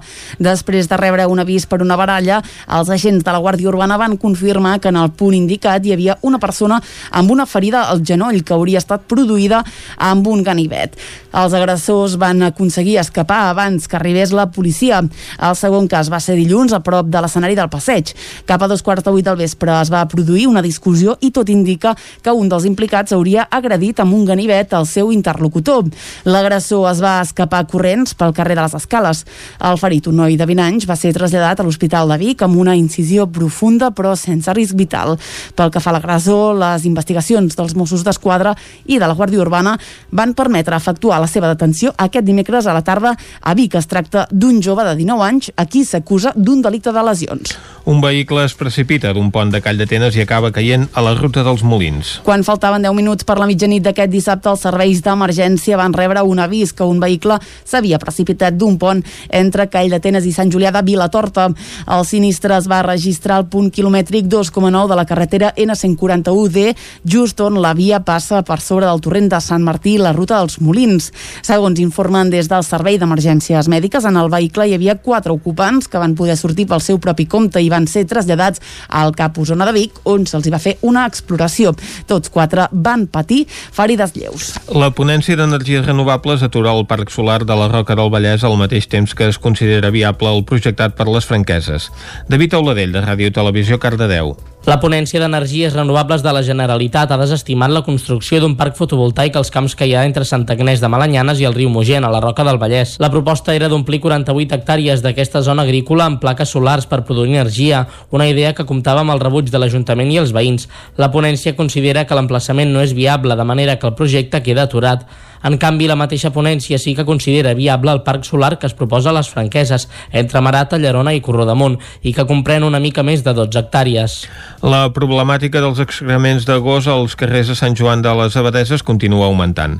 Isaac Muntades, des de la veu de Sant Joan. Els excrements de gos als carrers s'han convertit en un problema recurrent a Sant Joan de les Abadeses. En el darrer ple del consistori, un veí va fer arribar un text a l'alcalde Ramon Roquer perquè el llegís a la sessió plenària i li contestés una sèrie de preguntes. Aquest Sant Joaní preguntava per què s'incompleix sistemàticament el reglament regulador que controla la tinença d'animals domèstics de l'Ajuntament i posava l'exemple dels gossos deslligats que circulen pels carrers i que orinen i fan els seus excrements sense que després els propietaris els recullin. El veí deia que aquests animals han de portar la corretja, la cadena, el collar de la identificació censal i la pròpia de l'animal animal, a més d'anar subjectats per la persona responsable. També que els propietaris havien de recollir els excrements i posar-los en bosses impermeables abans de llançar-los a les escombraries i netejar l'orina. En definitiva, el veí demanava quantes denúncies i sancions s'havien cursat per desobeir aquesta normativa, a més de sol·licitar una autorització per fer el mateix que els gossos, però en aquest cas recollint les caques. Roquer va respondre que s'havien posat poques sancions per part de la policia municipal i dels Mossos d'Esquadra, perquè era evident que la gent no se sentia interpel·lada. L'alcalde va fer autocrítica dient que el tema no està resolt i que hi ha un grup de persones reduït que no volen complir l'ordenança. Podem sentir-lo exposant el tarannà del consistori en aquest assumpte. La voluntat de l'equip de govern no és la de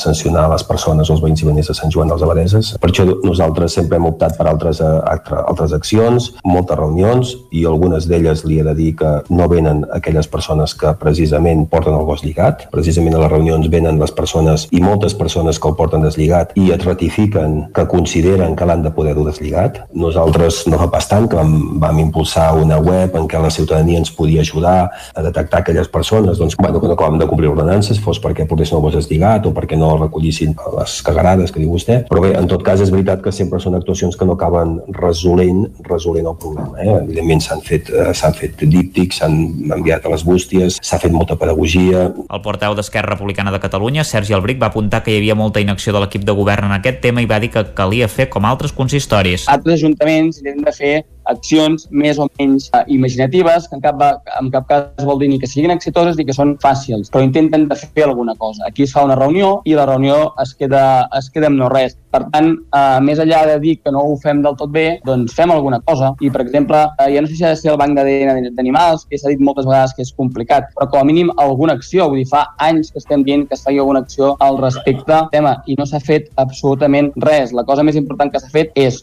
únicament abaixar la sanció, això deu fer ja 5, 6 o 7 anys. El BRIC va exposar que demanarien formalment quantes sancions s'havien imposat per aquest tema.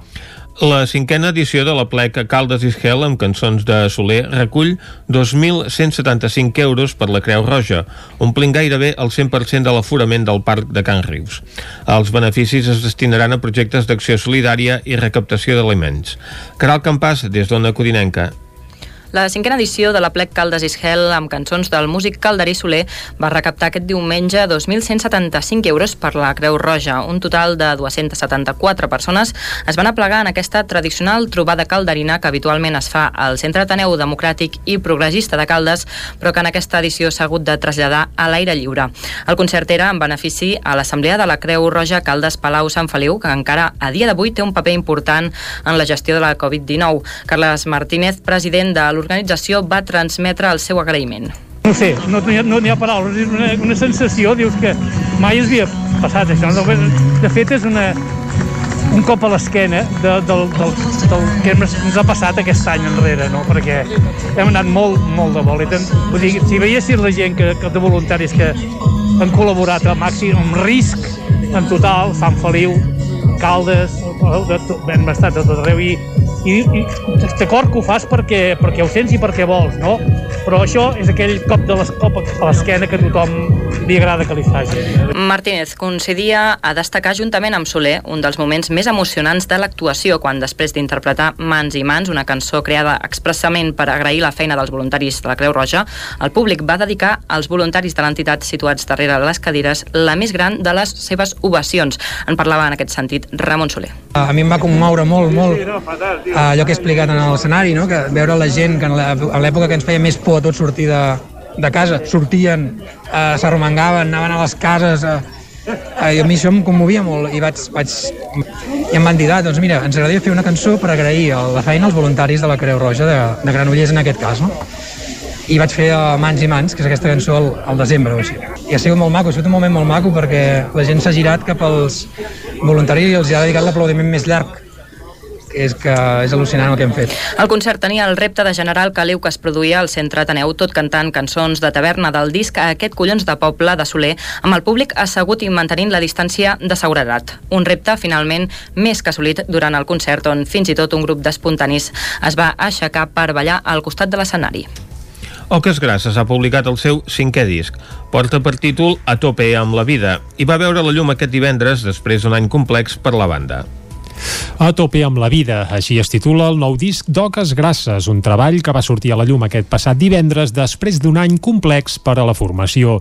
Tot i, tot i que hi havia temes començats abans de la pandèmia, el disc s'ha cuinat en ple confinament, una etapa vital pels membres del grup que es veu reflectida en els 10 temes que hi ha al disc. Conscients que el 2020 no van poder viure tot el que haurien volgut, ara volen transmetre ganes de viure, precisament, i també de passar-ho bé. Josep Montero és el cantant d'Oques Grasses. I és el a tope amb la vida, aquest és com el punt de, encara que hi hagin imprevistos o que hi hagin, que passis mals moments o el que sigui, val la pena valorar el fet de, de, de que estem vius i d'aprofitar-ho.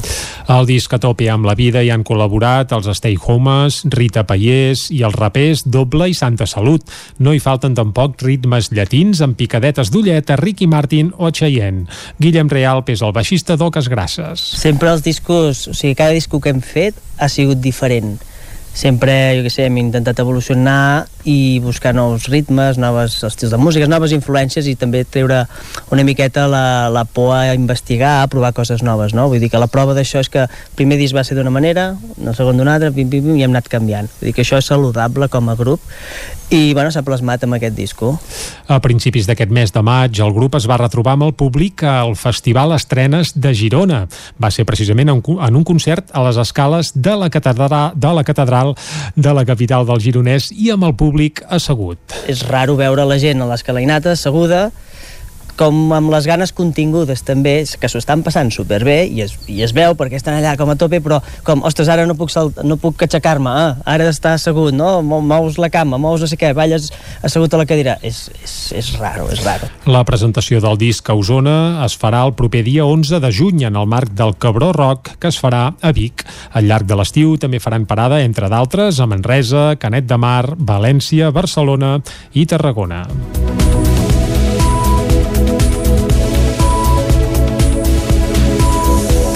I fins aquí el butlletí informatiu de les 10 del matí que us hem ofert amb Vicenç Vigues, Clàudia Dinarès, David Auladell, Caral Campàs i Isaac Muntades. Ara el que toca és saludar de nou en Pep Acosta per parlar de nou del temps. Casa Terradellos us ofereix el temps. Doncs vinga, a primera hora del matí en Pep ja ens ha fet una mica de repàs del cap de setmana i ens ha avançat el temps que farà per avui, però ara li demanem de nou. Bon dia, Pep. Hola, molt bon dia. Ens hem llevat les temperatures també força suaus, només per sota dels 10 graus, en algun punt molt localitzat als més freds de les nostres comarques, però la majoria de les mínimes ja per sobre d'aquests 10 graus. I fa força sol. Fa molt de sol, però novament, cap al migdia, creixeran nuvolades. Nuvolades que no seran ni de bon tros tan importants com dissabte o com ahir, com ahir diumenge. I afectaran majoritàriament avui a la zona del Pirineu aquestes nuvolades i aquestes tempestes. Localment poden tornar a ser fortes. No crec que tant com a cap de setmana, però localment poden deixar 10, 20, 30 litres, eh? Per tant, eh, precaució si algú va cap a la zona del Pirineu, que aquesta tarda tornaran les tempestes. Cap a la zona interior és més difícil que arribin aquestes tempestes. Avui es quedaran més estancades cap a la zona del Pirineu. A destacar que les temperatures baixaran una mica, vam tocar sostre dissabte, ahir van ser una mica més baixes, i avui encara baixaran més. No, eh, no espereu que cap població de les nostres comarques s'arribi als 30 graus. Per tant, un ambient una mica més suau, eh? una mica més de finals de maig, que és on estem. I els vents, direcció variable, fluixos, no gaire destacats, al moment de tempestes sí que una mica més destacats, però bueno, no, no, no serà notícia meteorològica del dia aquests vents. I això és tot. A disfrutar el dia d'avui. Un dia amb sol al matí i amb tempestes a la tarda més localitzades a les zones de l'Alt Pirineu, les zones del Pirineu.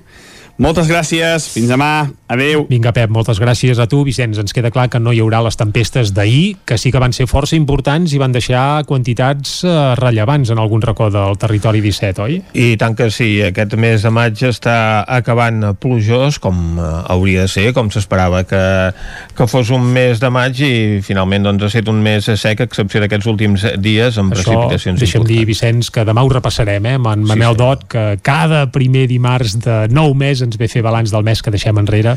Uh, demà tindrem en Manel aquí a Territori 17 perquè ens expliqui com ha anat aquest mes de maig que no ha estat gaire passat per aigua, evidentment, doncs, però ahir sí, eh? ahir va ser una excepció. Ahir eh, hi va haver aigua, a Sant Pau de Segúria sobretot, 34 litres i mig, a Santa Cecília de Voltregà en van caure 32 ahir, a Caralps 30, a Sant Boi de Lluçanès 27 i mig, a Sant Martí Sescorts 26, 25 a Alpens, 21 litres a Roda de Ter o a Vic, 20 a Tabertet, al Pantà de Sau, a Tavernoles, a Ull de Ter i a Vidrà i a Manlleu 19 litres. Doncs déu nhi I tant. Uh, tanquem aquí a la pàgina meteorològica i anem ara cap a l'entrevista. Casa Tarradellas us ha ofert aquest espai. Territori 17. Envia'ns les teves notes de veu per WhatsApp al 646 079 023. 646 079 023. WhatsApp Territori 17.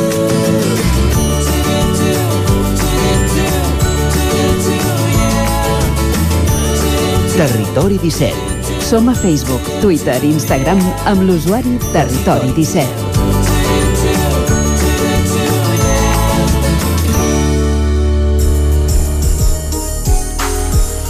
Ara mateix falta mig minut per un quart d'onze. Un documental que s'estrenarà aquest dijous a l'Atlàntida resumirà la trajectòria professional i artística de Toni Bové. El fotògraf i comunicador visual va ser director de la Farinera, el Centre d'Arts Visuals de Vic, fins que l'any passat doncs, eh, es va jubilar. També va ser creador de l'Institut Fotogràfic d'Osona. En parlem de tot plegat amb el propi Toni Bové. Bon dia, Toni. Bon dia. El músic i productor audiovisual Xef Vila és l'autor del documental. Com ha anat tot aquest procés de creació? Bé, la idea és d'en Xef Vila, és ell el que va tenir l'idea, és ell el que ha fet el guió, és ell el que em va proposar a veure si ho podíem fer, i jo em vaig posar les seves mans i, i a partir d'aquí ell ha fet la seva síntesi visual a partir de les seves imatges. Uh -huh. Perquè tot, tot això arrenca d'una exposició que es va fer l'any 94 al Temple Romà de Vic, no? Va fer una performance allà al Temple Romà. Què, què va Bé, passar exactament? Bueno, l'any 1994 eh, vam fer una exposició amb Antoni Casasses, va ser un híbrid entre pintura i fotografia, uh -huh.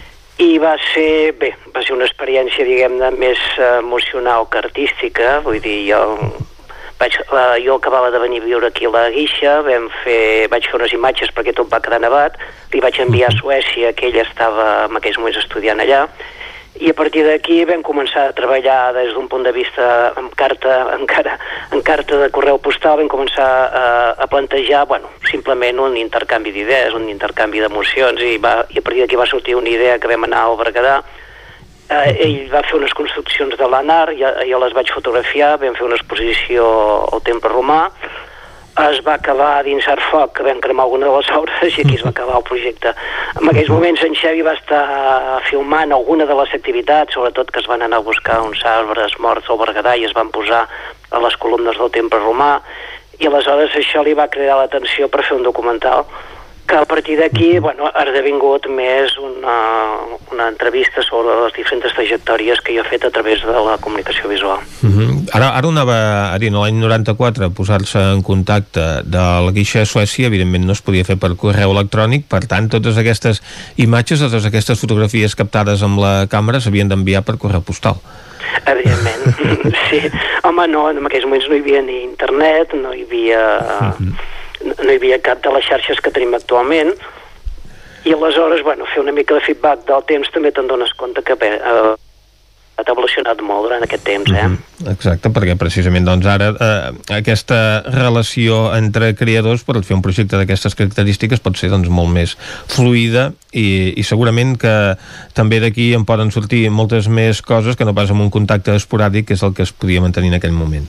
Home, sí, comparació. Evidentment, uh, l'evolució del camp analògic cap al camp digital uh, ens ha portat una altra manera de treballar. Jo vaig poder treballar-ho a través de la universitat, uh, investigant altres maneres, sobretot el pas de la fotografia del real cap a la fotografia del virtual, eh, i aleshores avui dia a veure, les, les en el moment en què tot es transforma en components numèrics la, les possibilitats creatives són, són infinites no? Uh -huh. també s'ha de tenir en compte que avui dia és molt, eh, és molt difícil bé, en el fons m'hi ja va ser un treball híbrid eh? ja va ser un treball d'interrelació uh -huh. però avui dia eh, els treballs sempre han de ser a nivell interprofessional i intergeneracional per evolucionar eh? uh -huh.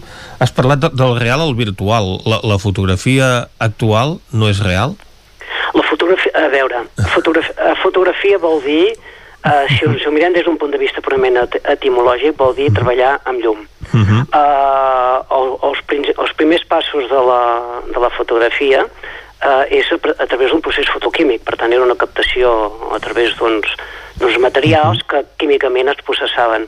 En el moment en què eh, es passa a la imatge electrònica, la imatge electrònica es transforma en numèrica, uh -huh. eh, permet la inversió. A partir de valors numèrics pots crear imatges simulant el real. Eh? Uh -huh. Per tant, això és el que s'anomena el CGI o, o imatge generada per computadora i aleshores, evidentment, això ha fet una transformació bestial en el, en el, en el camp de la comunicació visual. Uh -huh. Per exemple, jo havia treballat durant 10 anys en el món de la fotografia publicitària i industrial i aleshores tu captaves un món... En el fons ja construïes un món que tampoc era real. Vull dir, en el moment que feies una imatge velocitat ja no era real, era una simulació real que construïes en un estudi. Ara, en aquests moments, tu pots construir-ho tot des d'un punt de vista virtual a l'ordinador. Uh, si ho mira, evidentment, tindria, hem d'entendre o, o la fotografia des d'un punt de vista genèric, eh? Evidentment, en el moment que estem entrant a elements parcials de la fotografia, com pot ser la fotografia de reportatge, evidentment, allò és la fotografia del real, no? Uh -huh. Perquè si no, ja no seria la fotografia de, de, de reportatge. Uh -huh. I ha canviat molt el llenguatge fotogràfic des de, al llarg de tota aquesta època que has viscut, des del blanc i negre fins a la fotografia digital. Home, uh, sí, el canvi, el canvi ha sigut uh, realment... Uh, molt gran i a més a més molt, molt interessant i de totes maneres no, eh, tot just estem al principi de la piràmide dels canvis que vindran a darrere, a darrere no? Uh -huh. El que passa que a mi ara ja no em toca. Uh -huh. I ara toca a les noves generacions eh, a treballar aquests aspectes, no? Uh -huh. Perquè avui en dia tothom fa fotografies amb el mòbil, però eh, podem dir que tothom és fotògraf o podem dir que un mòbil és una càmera de retratar? A veure, eh, aquí hi hauria molts termes, diguem-ne, que segurament no tothom s'hi posa d'acord, no? Uh -huh. eh, per exemple, jo he treballat molt la fotografia, però no em sento pròpiament fotògraf. He estat fotògraf durant una temporada de la meva vida, uh -huh. però eh, jo més aviat he sigut un especialista en imatge. Aquí veu una mica el concepte d'image management, no? Vull dir, o d'image manager, que d'alguna manera això ja ve dels anys 90 de la, de la Universitat de Rochester dels Estats Units, no? Quan ja es parlava que en el futur no hi haurien aquests compartiments de fotografia, vídeo, etc etc. no? Sinó que hi haurien un nou tipus de professional que és l'image manager, no? És a dir, que seria una persona que tindria coneixements d'imatge de diferents tipus, no? Imatge fixa, imatge en moviment, i als anys 90 es parlava d'aquests termes, però a més a més després ara ha evolucionat cap a, a la imatge interactiva i evidentment des de ja fa molts anys la imatge generada per ordinador. Uh -huh. I què vindrà darrere? Vindran molt més, moltes més coses, no? Vull dir, la, l'evolució informàtica tot just està en el, en el naixement i per tant a partir d'aquí els canvis que veurem seran realment interessants. Uh -huh perquè podem dir que la, la, la fotografia, no, la imatge estàtica ha quedat engolida per l'auge imparable de, del vídeo, de la imatge en moviment? Uh, sí, bueno, tu mateix... Uh, a veure, la fotografia va néixer... Uh -huh. en, en el fons, la fotografia és una evolució dels aparells de perspectiva que es feien servir en dibuix. Uh -huh. Per tant, els primers, uh, els primers uh, fotògrafs, en el fons, no deixaven de ser pintors que es havien reciclat o científics que estaven investigant el, mitjà, no? Uh -huh. uh, al principi, uh, clar, tots aquests coneixements necessitaven uh, coneixements de ciència, coneixements de química, i sobretot també eh, uh, tenien que ser persones més o menys adinerades perquè els productes eren cars, no? Uh -huh.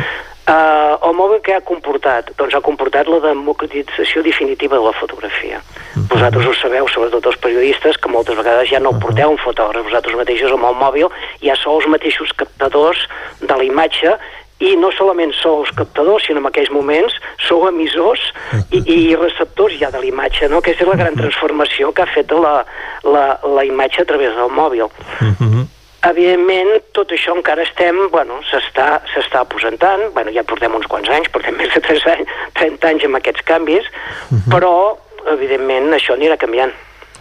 En aquest documental que s'estrena dijous eh, veurem diferents entrevistes, no?, amb gent doncs, que parla de, de, de Toni Bové, de com l'han conegut. Sí, eh, d'alguna manera eh, quan la idea que va tenir Xavi és una miqueta uh -huh ell l'idea la va venir de memorària, però després a partir d'aquí va, uh, va analitzar una miqueta les diferents trajectòries que, que jo havia anat, uh, que havia anat fent durant aquests 45 anys que m'ha dedicat a la, a la comunicació visual.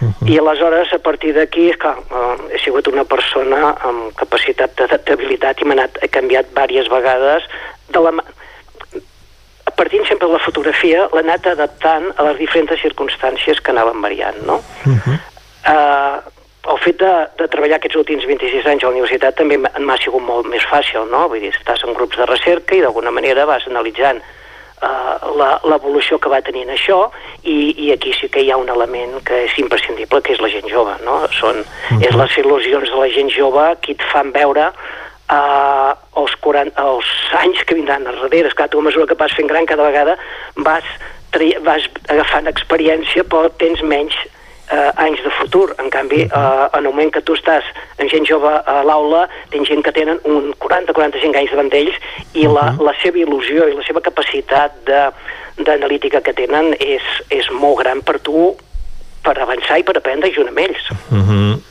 I eh, aquí en aquest documental també queda reflectida aquesta activitat docent que doncs, és el que ha marcat també la teva vida professional. Evidentment. Jo, en el fons, eh, jo vaig començar més aviat com un teòric de l'imatge, perquè jo venia de filosofia i lletres. Després, per ente eh, la, la fotografia era una, fa 40 anys eh, a Catalunya i a l'estat espa- espanyol era bastant desconeguda, era una, una, estava considerada bastant una cosa de segon ordre, i aleshores el que has de fer és marxar fora, no?, per entendre una miqueta. A partir d'aquí, com que poca, co- eh, vaig, durant 10 anys vaig ser professional, que això em va ajudar molt per entendre les característiques més optomecàniques de la imatge, i, eh, i a partir d'aquí ja eh, em va, em va, a mi em van venir a buscar per anar... Vaig ser una de les persones que em van muntar, entre vàries, per, eh, per muntar l'escola de fotografia de la, de la UPC, Mhm. i aleshores a partir d'aquí, bueno, doncs això eh, ens va, va coincidir tot aquest camp cap a la universitat en tot un camp de transformació de l'imatge i aquest han sigut els meus últims 26 anys. Uh -huh. Doncs, eh, Toni Bové, moltes gràcies per acompanyar-nos avui. Enhorabona per aquest eh, documental. Bona jubilació, que és el que se celebra doncs, amb aquest eh, treball que presentarà en Xef Vila. Recordem que serà aquest dijous a les 8 del vespre a la sala Joaquim Maideu de l'Atlàntida en aquest acte organitzat pel Cineclub Vic Recordem doncs, que tothom qui estigui interessat i pot assistir aquest dijous a les 8 del vespre, l'entrada és eh, gratuïta i té una durada doncs, de 35 minuts, per tant tothom qui estigui interessat en l'obra i la biografia de Toni Bové podrà assistir a aquest documental que es presenta a l'Atlàntida aquest dijous. Moltes gràcies, Toni. Val, només eh, vull afegir una mica Sí. una cosa, no? Un jo crec que el que t'ha 20 segons. és, és, en, és en Xef Vila per ser de capacitat comunicativa i de capacitat de síntesi visual. Eh? Mm -hmm. Doncs li reconeixem també aquest creador audiovisual i músic alhora, que és l'autor d'aquest documental que veurem aquest dijous. Moltes gràcies, Toni, bona jubilació. Nosaltres ara fem una pausa al Territori 17, tornem d'aquí un moment.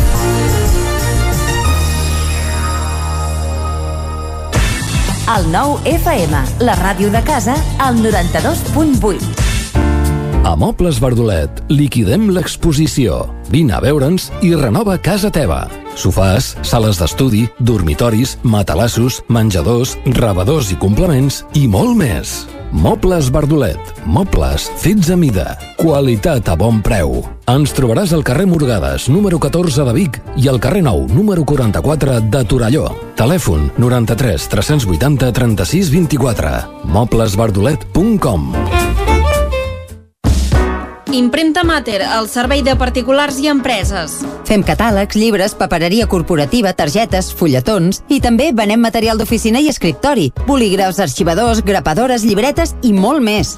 Mater Impressors des de 1957. Impremta Mater. Ens trobaràs a la carretera de Sant Hipòlit, número 23 de Vic i a la impremtamater.com. Anuncia't al 9FM. La màquina de casa. 9 3 8 8 9 4 9 4 9 Publicitat arroba al 9FM.cat. Anuncia't al 9FM. La publicitat més eficaç.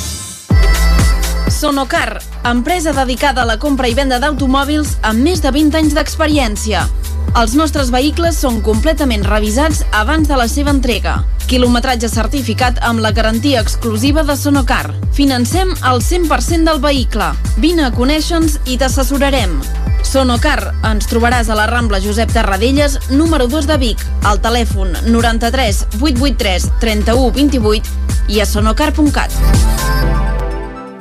Hi ha sensacions que són úniques. Aquell bany relaxant, mirar per la finestra quan plou i com les calderes Bailand, que li ofereixen fins a 15 anys de cobertura total amb el servei tècnic oficial Bailand. Informis a Oficiat Nord trucant al 93 886 0040. Amb el servei tècnic oficial de Bailan, la seva caldera estarà en les millors mans. A Corretja tenim tot el que necessites per la teva llar. Tot tipus de paviments i revestiments, sistemes d'aïllament, cobertes, parquets, aixetes, ferreteria, pintures, fixació i cargoleria, vestuari i material de seguretat. Disposem de més de 3.500 metres quadrats d'exposició amb una nova zona exterior d'aïllaments. A Corretja som especialistes en cuines i banys. Us assessorem, dissenyem i realitzem el projecte des de l'inici fins a la fi del muntatge. 100% cuines, 100% banys. Al carrer Mas Vigues 8 de Vic, a corretja-sl.com o a Instagram. 100% materials per la construcció i la decoració. 100% corretja. La ràdio de casa al 92.8. El 9 FM.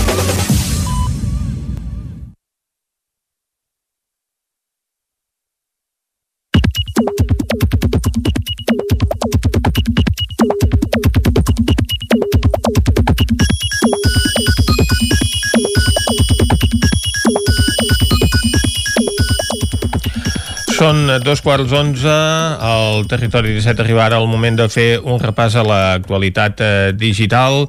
Repassarem eh, quins són els tuits més destacats de la jornada. Ara mateix... Ara mateix baixa l'Isaac Moreno sí, a fer precisament sí, les piulades, uh -huh. però hem d'afegir, clar, la gent no, des de casa no ho veu, però l'Isaac el tenim un xic lesionat, uh, tenim un petit uh, esguins... Entrebanc. Entrebanc i la seva velocitat d'arribada fins als estudis no és la, la que era, perquè perquè ens hem d'enganyar, a vegades passen coses d'aquestes, eh? Doncs Però ja el tenim pel camí, per tant de seguida podem fer un repàs a l'actualitat tuitaire que ens porta cada dia, quan són dos quarts d'onze del matí, el nostre company Isaac Moreno. I un repàs també a les portades del 99.cat, a l'actualització de les notícies més destacades, tant de l'edició del Vallès Oriental com de l'edició d'Osona i el Ripollès. Ja sabeu que sempre podeu trobar l'última hora de l'actualitat d'aquestes comarques i també del Moianès a les diferents edicions del 99.cat.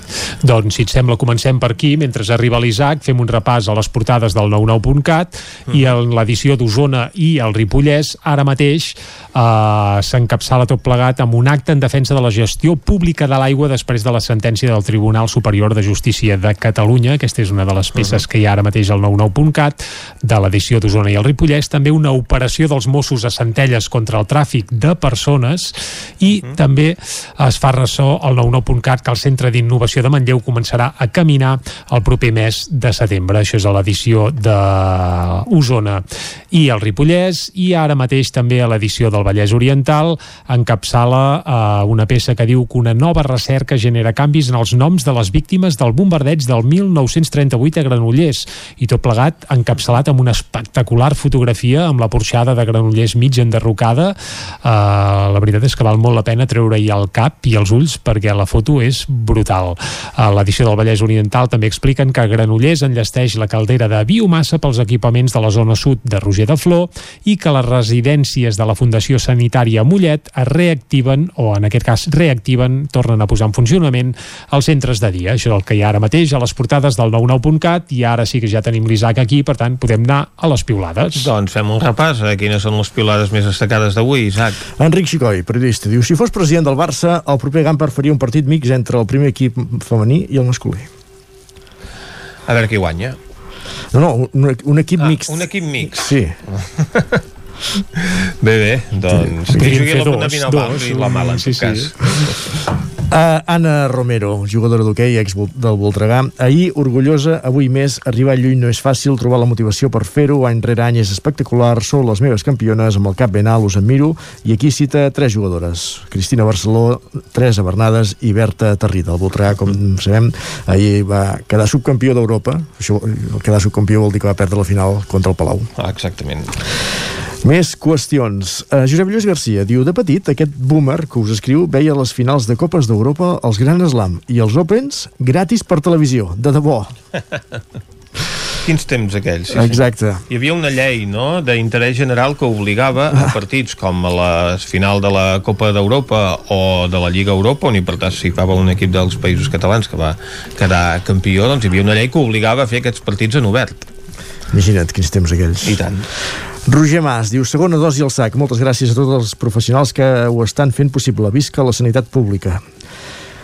Uh, tornem al capítol hoquei. Jordi Urbano, jugador d'hoquei, diu, hi ha grans esportistes i després hi ha la Motxa Barceló, que s'emprenya moltíssim perquè té el nas trencat i no pot jugar a la segona part. Avui sabeu tots que estarà jugant i empenyarem perquè aixequi la setena. Admiració total. No va poder ser. És la parella, eh? Teresa Bernades diu no ha sigut possible aixecar la setena però el que hem fet aquest cap de setmana amb les Azulones és molt més que creure-hi cegament no ha sigut el final desitjat però en 10 dies tenim una nova oportunitat gràcies afició per ser els millors sou incondicionals més qüestions uh, Arnau Tordera la Letícia no hi ha anat devia estar pencant ha anat a la final de la Copa de la Reina, la, la seva Copa. No, hi- no hi era. No, no hi era. Tampoc hi havia el president del Barça, que era doncs, a, a la final europea de bàsquet, que tampoc va sortir bé. Xavi Febrer també piolava al respecte, doncs. Mal partit avui, res a dir. Canviant de qüestió, Xavi Bardolet, a la meva edat, i el que ara mateix em té enganxat a la tele, són els dibuixos de la Pantera Rosa al Super 3. Imagina't, ara estem malament, eh? Xavi Tornafoc, diria una cosa que no agradarà, però és el que penso. He donat i dono suport als partits de l'actual govern espanyol i crec que cal indultar els líders independentistes encara que ens costi el govern. Cal obrir el camí cap a la reconciliació entre catalans i cal fer-ho ara. Bé, si és un indult reversible, com diuen, si canvia el govern, poden canviar les condicions també. No? Joan Coma es fixa, eh, parlant de, tornant al, al capítol de vacunacions, es fica, amb, eh, ens comparteix una fotografia que hi ha a la, al recinte final del Sucre, on, on fan aquests dies vacunació, i en un lloc diu segun, segunda, perquè és un dos amb una A volada, per tant deu dir segunda, perquè en català no s'escriu així, do, dos, dosis, Pfizer, Uh -huh. eh, perquè així també, eh? dosis. Dosis. I a la dreta diu segunda dosis AstraZeneca i uh -huh. clar, què fan en coma? Comparteix la foto i posa en còpia a Pep Carol, clic i tiro que clar, no em deixa passar ni una d'aquestes diu, hosti tu, no costa bastant no? una dosi, dues dosis però en fi, Ai, la Cristina, si els veu. Exacte. Més qüestions. Uh, Josep Casasses, alcalde de Gurb avui a Gurb hem inaugurat l'arbre dels records un petit gest per una causa massa sovint silenciada. No cal que sigui fos per veure petites estrelles. Eudal Sallarès, regidor Manlleu els nous banys del passeig del Ter situats davant del Museu del Ter i al costat de l'embarcador porten senyalètica inclusiva. Microaccions de visibilització. Doncs tinguem-ho en compte Molt bé. I acabem amb Francesc Codina. La catalanofòbia és un component bàsic del nacionalisme espanyol que s'abranda sovint contra la llengua, contra l'Estatut, contra l'autodeterminació i a favor de la repressió i la humiliació. Per això creixerà l'independentisme malgrat la repressió, els obstacles i els perills. Doncs amb aquesta sentència acabem aquest repàs als tuits de la jornada. Res de què, bon dia. Moltes gràcies, Isaac, i ara anem a la taula de redacció. Territori 17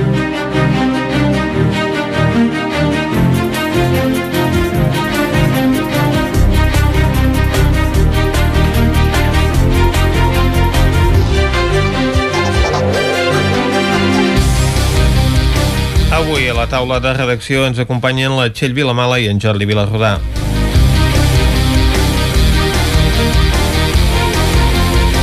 N'hem parlat fa un moment, s'estan administrant ja les segones dosis els que fa 3 mesos van rebre el preparat d'AstraZeneca i la sorpresa és que en contra del criteri del Ministeri de Sanitat el que prefereixen la majoria d'aquestes persones doncs és tornar a rebre el mateix vaccí i no passar-se el preparat de Pfizer, que és el que recomanava precisament la ministra de Sanitat, Txell. Hola, bon dia. Uh, doncs sí, aquí a Osona tenim un, una mica més de 3.000 persones de col·lectius essencials que a partir del mes de febrer uh, uh -huh. van començar a rebre uh, aquestes dosis d'AstraZeneca. Uh, eren sobretot això, eh? mestres, fisioterapeutes, uh, policies, agents uh -huh. rurals també. Llavors, a principis del mes d'abril uh, va ser quan es va començar a parlar uh, d'aquesta possible relació de la fórmula d'AstraZeneca amb casos de trombosi, que són molt infreqüents, molt infreqüents. Uh -huh. uh, es va decidir que s'aturava la vacunació amb aquest fàrmac fins a tenir més dades. Aquí va haver diversos canvis de criteri tant a nivell espanyol com també per part de l'Agència Europea del Medicament eh, i finalment eh, el que es va decidir, com bé explicaves tu Vicenç, és que en el cas d'Espanya el que ha decidit el Ministeri és que recomanen a aquestes persones, tot i haver començat amb AstraZeneca, a completar la pauta completa, arribar a la pauta completa amb el vaccí de Pfizer. El Ministeri espanyol es basa en un estudi que s'ha fet amb unes 700 persones de diferents edats que conclou eh, que la barreja d'aquests dos fàrmacs eh, té molt pocs efectes secundaris, eh, que genera molta immunitat, és a dir, que uh -huh. funciona igual que si fossin del mateix laboratori eh, i que a més a més és segur, que és el que preocupa molta gent. Per tant, el que s'esperaven els responsables dels dispositius de vacunació és que quan es cridessin aquesta gent de col·lectius essencials per a les segones dosis, eh, majoritàriament s'estaria vacunant amb Pfizer. La realitat, però, és que a partir de la setmana passada, quan es va començar amb aquestes segones dosis, hi ha hagut un degoteig constant de gent que el que fa és arribar, en aquest cas d'Osona, al recinte firal del sucre uh -huh. i demanar el, el consentiment conforme renuncia a la vacuna de Pfizer i opta voluntàriament doncs, per posar-se la d'AstraZeneca. Això, com uh -huh. diem, ha agafat per sorpresa perquè va en contra de les directrius del Ministeri de Sanitat. Sí que és veritat eh, que la gent amb qui hem pogut parlar eh, des del el 9-9 està molt convençuda de continuar amb AstraZeneca AstraZeneca perquè diuen que no volen eh, barrejar les fórmules de dos laboratoris uh -huh. diferents. Dijous, per exemple, dijous de la setmana passada, al sucre s'hi van posar 504 segones dosis a persones de col·lectius essencials i d'aquestes 504, 440, uh -huh. això és un 86%, eh, van firmar la renúncia de Pfizer eh, demanant, per tant, uh -huh. que se'ls hi posés a AstraZeneca. Vam parlar, per exemple, amb en Jordi Rossell, eh, que explicava que la primera dosi li van posar, feia, li havien posat feia 12 o 13 setmanes i que ara eh, això preferia continuar amb la mateixa i no combinar laboratoris diferents. O la Susana Roger comentava per la seva banda que l'Agència Europea del Medicament eh, recomana que es continuï amb AstraZeneca Exacte. i que ella es refiava més doncs, del que diu aquest organisme internacional d'àmbit europeu que no de les directrius del, del Ministeri espanyol. Clar, el, una de les casuístiques és que amb antelació no es pot preveure què escollirà cada ciutadà, perquè uh -huh. uh, quan s'arriba allà és quan es diu uita, uh, vull firmar el consentiment o jo segueixo el que uh -huh. ens han dit. Llavors el que s'està fent és tenir exactament el mateix nombre de dosis uh, tant d'una fórmula com de l'altra. Uh -huh. I les que queden pendents, diguem, per segons la tria d'aquests ciutadans, el que es fa és que es crida altra gent de col·lectius prioritaris doncs, per administrar-la, perquè evidentment uh, uh -huh. no es deixa perdre no es deixa perdre cap vacuna. I tot això en un context en què han millorat uh, moltíssim les dades de la comarca d'Osona, ja fa bastantes setmanes que ho anem explicant, més o menys un mes, el risc de rebrot, que és el que això marca l'abast potencial de la pandèmia, ara ja el tenim per sota dels 100 punts. Això no, Osona, sí, sí, això no passava uh, des de l'estiu passat, uh, per tant és una molt bona notícia. I té també la seva traslació als hospitals, uh, de fet portem moltes setmanes en descens en nombre d'ingressats i no només a les plantes d'hospitalització convencional, sinó també a les UCIs. Per tant, sembla que es comença a respirar allà eh, els responsables sanitaris ho atribueixen directament a la vacunació, eh, veurem si anem mantenint aquest ritme. De moment també s'ha de dir que hi va haver algun, algunes setmanes que semblava que no arribaven les vacunes que tocava, que la logística mhm. -huh. anava una mica en contra del procés, però s'ha accelerat i de fet eh, esperem això, que aquest mes ja es comenci a cridar la gent de la, gent de la propera franja d'edat, que és mhm. -huh. aquesta que, que està per sota ja dels 50 anys, i aviam si al juliol s'arriba la vacunació massiva de la gent encara més jove. I de preparats AstraZeneca n'hi haurà per tothom qui ho demani. Perquè si tothom va demanant, si són el 86% d'aquestes Però recordar també que això s'està donant amb la gent específicament mm -hmm. que s'havia vacunat ja amb AstraZeneca. Exacte. No és que la gent que ara inici la vacunació digui que vol AstraZeneca, mm -hmm. sinó que són aquests col·lectius essencials a les mm -hmm. quals ja s'havia administrat la primera dosi d'aquest laboratori. Ah, exacte. Molt bé, doncs moltes gràcies, Txell. Nosaltres ara anem a canviar a, a parlar d'un tema totalment diferent amb en Jordi Vilarrodà anem a parlar d'art i d'un escultor de Centelles. Bé, és un escultor de Valladolid, però que porta molts i molts anys sí. residint a Centelles, o, o tenint el seu eh, taller de creació artística a Centelles, i que ha fet una escultura, ni més ni menys, que de Rafa Nadal a Roland Garros. Sí senyor, doncs aquest escoltor és el Jordi Díez uh Mhm. -huh. uh, evidentment doncs Centellenc perquè Centellenc és tot aquell que viu i treballa a Centelles eh? I, i ell ja fa anys, bastants anys ja que hi fa les dues coses i viu i treballa i, i, que, i que està eh, doncs fent una obra pública molt interessant uh -huh. la primera prova de fet de l'obra pública de- d'en Jordi Díez va ser a Centelles mateix amb la tècnica que ha treballat de, de, de la anys, no? en els últims anys. La, la primera mostra la tenim aquí mateix a Centelles perquè tothom pot veure doncs, aquella escultura que hi ha representant Ildefons Cerdà Ahà. que va ser d'alguna forma la seva primera experiència amb aquesta forma de treballar el metall, en concret la SER la SER inoxidable que, que té. I ara doncs li ha arribat eh, bé, més que li ha arribat un encàrrec va ser que se'l va buscar una mica ell. De fer una eh, escultura que representa Rafael Nadal en eh, les instal·lacions que ara s'han remodelat a més del torneig Roland Garros de París Allà... Era una promesa del torneig. Eh, era una promesa del torneig, exactament, eh, i, i del president de la Federació de Francesa de Tenis en el seu moment. Per què? Perquè, com tothom sap, doncs, eh, és, eh, un, fi, l'ha és, és, és, un, és, és un eh, rècord absolut de victòries a Roland Garros. Allà hi ha escultures d'alguns tenistes francesos famosos com, com el, el famós Henri Lacoste el que dona nom als jerseis doncs, que va ser un gran tenista però mm, en el seu moment doncs, el president de la Federació de Tenis va dir anem de fer una de Rafael Nadal perquè esclar, amb 13 victòries i aquest any vol obtenir la 14a veure, doncs el tenista més gran que hi ha hagut amb terra batuda ha, tenir, ha de tenir una escultura aquí. Uh, el Jordi ho va saber i ell va posar-se a treballar ell i el seu equip de gent en un projecte uh, ens va explicar que al cap de 10 dies tenia un projecte que l'enviava a París i que a veure què passa. O sigui que no va ser ni cap contacte ni cap coneixença ni cap... senzillament va dir jo he sentit això i us envio això. I, eh, i, i va funcionar. És a dir que després han dit doncs els dirigents de Roland Garros que quan s'ho van trobar sobre la taula els va agradar molt la proposta ja el van convidar a París per tenir una reunió ja, en fi, i a partir d'aquí doncs ja va, van començar a encaminar el projecte d'aquesta escultura de 3 metres d'alçada que representa en Nadal fent un cop de drive ell els hi va presentar diferents propostes els va agradar aquesta Una mica ell- el que havia fet també Emil de Fontserdà, que va Exactament. presentar diferents Sí, sí, sí, propostes sí. i va triomfar una mica el Cerdà pensador, no? Exacte, I, però a més a més també amb aquest aire de moviment, perquè el Cerdà està caminant, està aixecant una mà, Sí. sí, sí, que recordem Sí. sí. Qui l'hagi vist a Centelles, i, i ell sempre vol, vol dotar les escultures doncs, d'aquesta d'aquesta mobilitat, no? d'aquest sentit del moviment. Ell per això va, va pensar que Nadal era, era, un, era una bona opció, que l'inspirava, que, que això, és, això és el meu àmbit, perquè, eh, perquè havia de fer una escultura que, que, que representés d'alguna manera la idea de moviment. Llavors ell ho calcula molt, eh, és impressionant quan explica com treballa amb les proporcions àurees, que aquestes proporcions doncs, que ja venen del renaixement, eh, del, de la figura del cos, de com està centrada, de com està...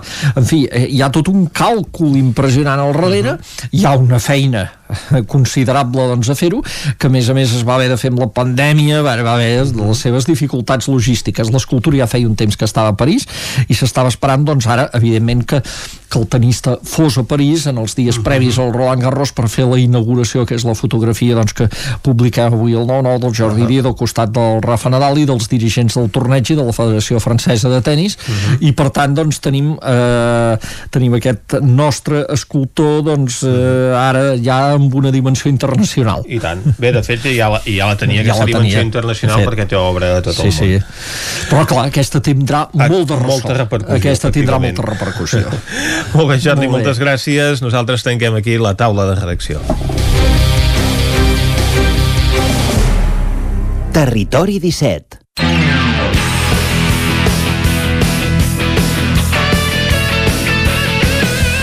Doncs quan passen un parell o gairebé 3 minuts de 3 quarts d'11, Vicenç, eh, ens toca obrir bloc esportiu i repassar com els ha anat el cap de setmana els equips de casa nostra, oi? Exactament, fem repàs del cap de setmana esportiu i ho fem connectant en primer lloc amb Ràdio Cardedeu, amb l'Òscar Muñoz. Bon dia, Òscar. Bon dia, Jordi, bon dia, Vicenç. Com ha anat el cap de setmana, Òscar? Doncs fluixet, anant fluixet. Sí? Vaja. Sí. Així que comencem a, aquí a tercera catalana, uh -huh. amb el partit del Cardedeu contra l'Atmella del Vallès, els cardedeuencs doncs, van perdre per 3 gols a 2. Uh -huh. Durant el partit doncs, no anaven gens malament, van acabar la primera part eh, guanyant per 1 a 2, però això, a la segona part, amb els dos gols de l'Ètic del Xavier Roca, van sentenciar el partit. Així que 3 a 2 uh -huh. pel Cardedeu. Uh -huh. I a l'altre duel, a la tercera catalana, el Llinàs sí que va poder guanyar per 3 gols a 2 contra eh, l'Atmella bones sensacions pel conjunt llinassenc que eh, està guanyant partits eh, aquest final de temporada uh -huh. i bones sensacions això per acabar aquests quatre partits que queden. Molt bé. I acabem al futbol sala on tenim l'empat del primer equip del Cardedeu contra el Vilafant per 6 gols a 6. Aquí el Cardedeu doncs, va portar les regnes durant tot el partit, però just en els dos últims minuts eh, van fer els dos eh, per empatar el Vilafant, així uh -huh. que el Cardedeu de Futbol Sala sí que no té sort per aconseguir aquestes victòries. I que 6 a 6. I ara... Doncs, mala sort, sí senyor. Sí. I ara acabem a Granollers amb l'únic partit que teníem amb el Franklin, que tampoc va poder guanyar contra el Vidassó a Irún uh -huh. i va perdre per 29 a 24. Era un partit important, ja que els RACs anaven segons hi ha un bon moment per retallar les distàncies, però bueno, això no, no ha sigut així i a veure si el Granollers doncs, amb els partits que té enrederit eh, pot remuntar la classificació i almenys a la segona. Ah, exacte, que aprofiti aquesta oportunitat amb aquests partits que li queden pendents. Òscar, moltes gràcies. A vosaltres. Ara nosaltres anem cap al Ripollès, a la veu de Sant Joan ens espera l'Isaac Muntades. Isaac, bon dia. Bon dia, bon dia. Com ha anat el Ripollès al cap de setmana esportiu? Doncs, eh, com que s'han jugat pocs partits, direm que bé, perquè hi ha hagut dues victòries i una de, derrota dels equips que seguim habitualment. En canvi, hi ha dos equips que, si us sembla, comencem per aquí, que potser també és el que també és més interessant, que no van poder jugar i que era bastant interessant que, que ho fessin, uh -huh. sobretot per uh, l'Abadesenc, el grup 18 de la tercera catalana, que no va poder disputar el seu partit contra el Vilabareig eh, per la pluja que va caure doncs, eh, al municipal de Sant Joan i que va deixar el camp impracticable, va ploure durant eh, pràcticament tot el dissabte a la tarda al Ripollès i, i sí que aquí en aquest cas no es va poder disputar el partit. I ara mateix doncs, la Badesenc continua cinquè amb 23 punts i té aquest partit menys que si el guanyés s'aconseguiria col·locar tercer i cal recordar que encara s'ha de veure què passa amb els 3 punts de, del partit contra les Planes que encara estan batallant per intentar aconseguir-los. I l'altre equip que no va jugar és el Camprodon, que ja us, va, ja us vam comentar que es va retirar de la competició de la Copa Catalana després de 7 derrotes en 7 partits i bé, ha quedat últim del seu grup, per tant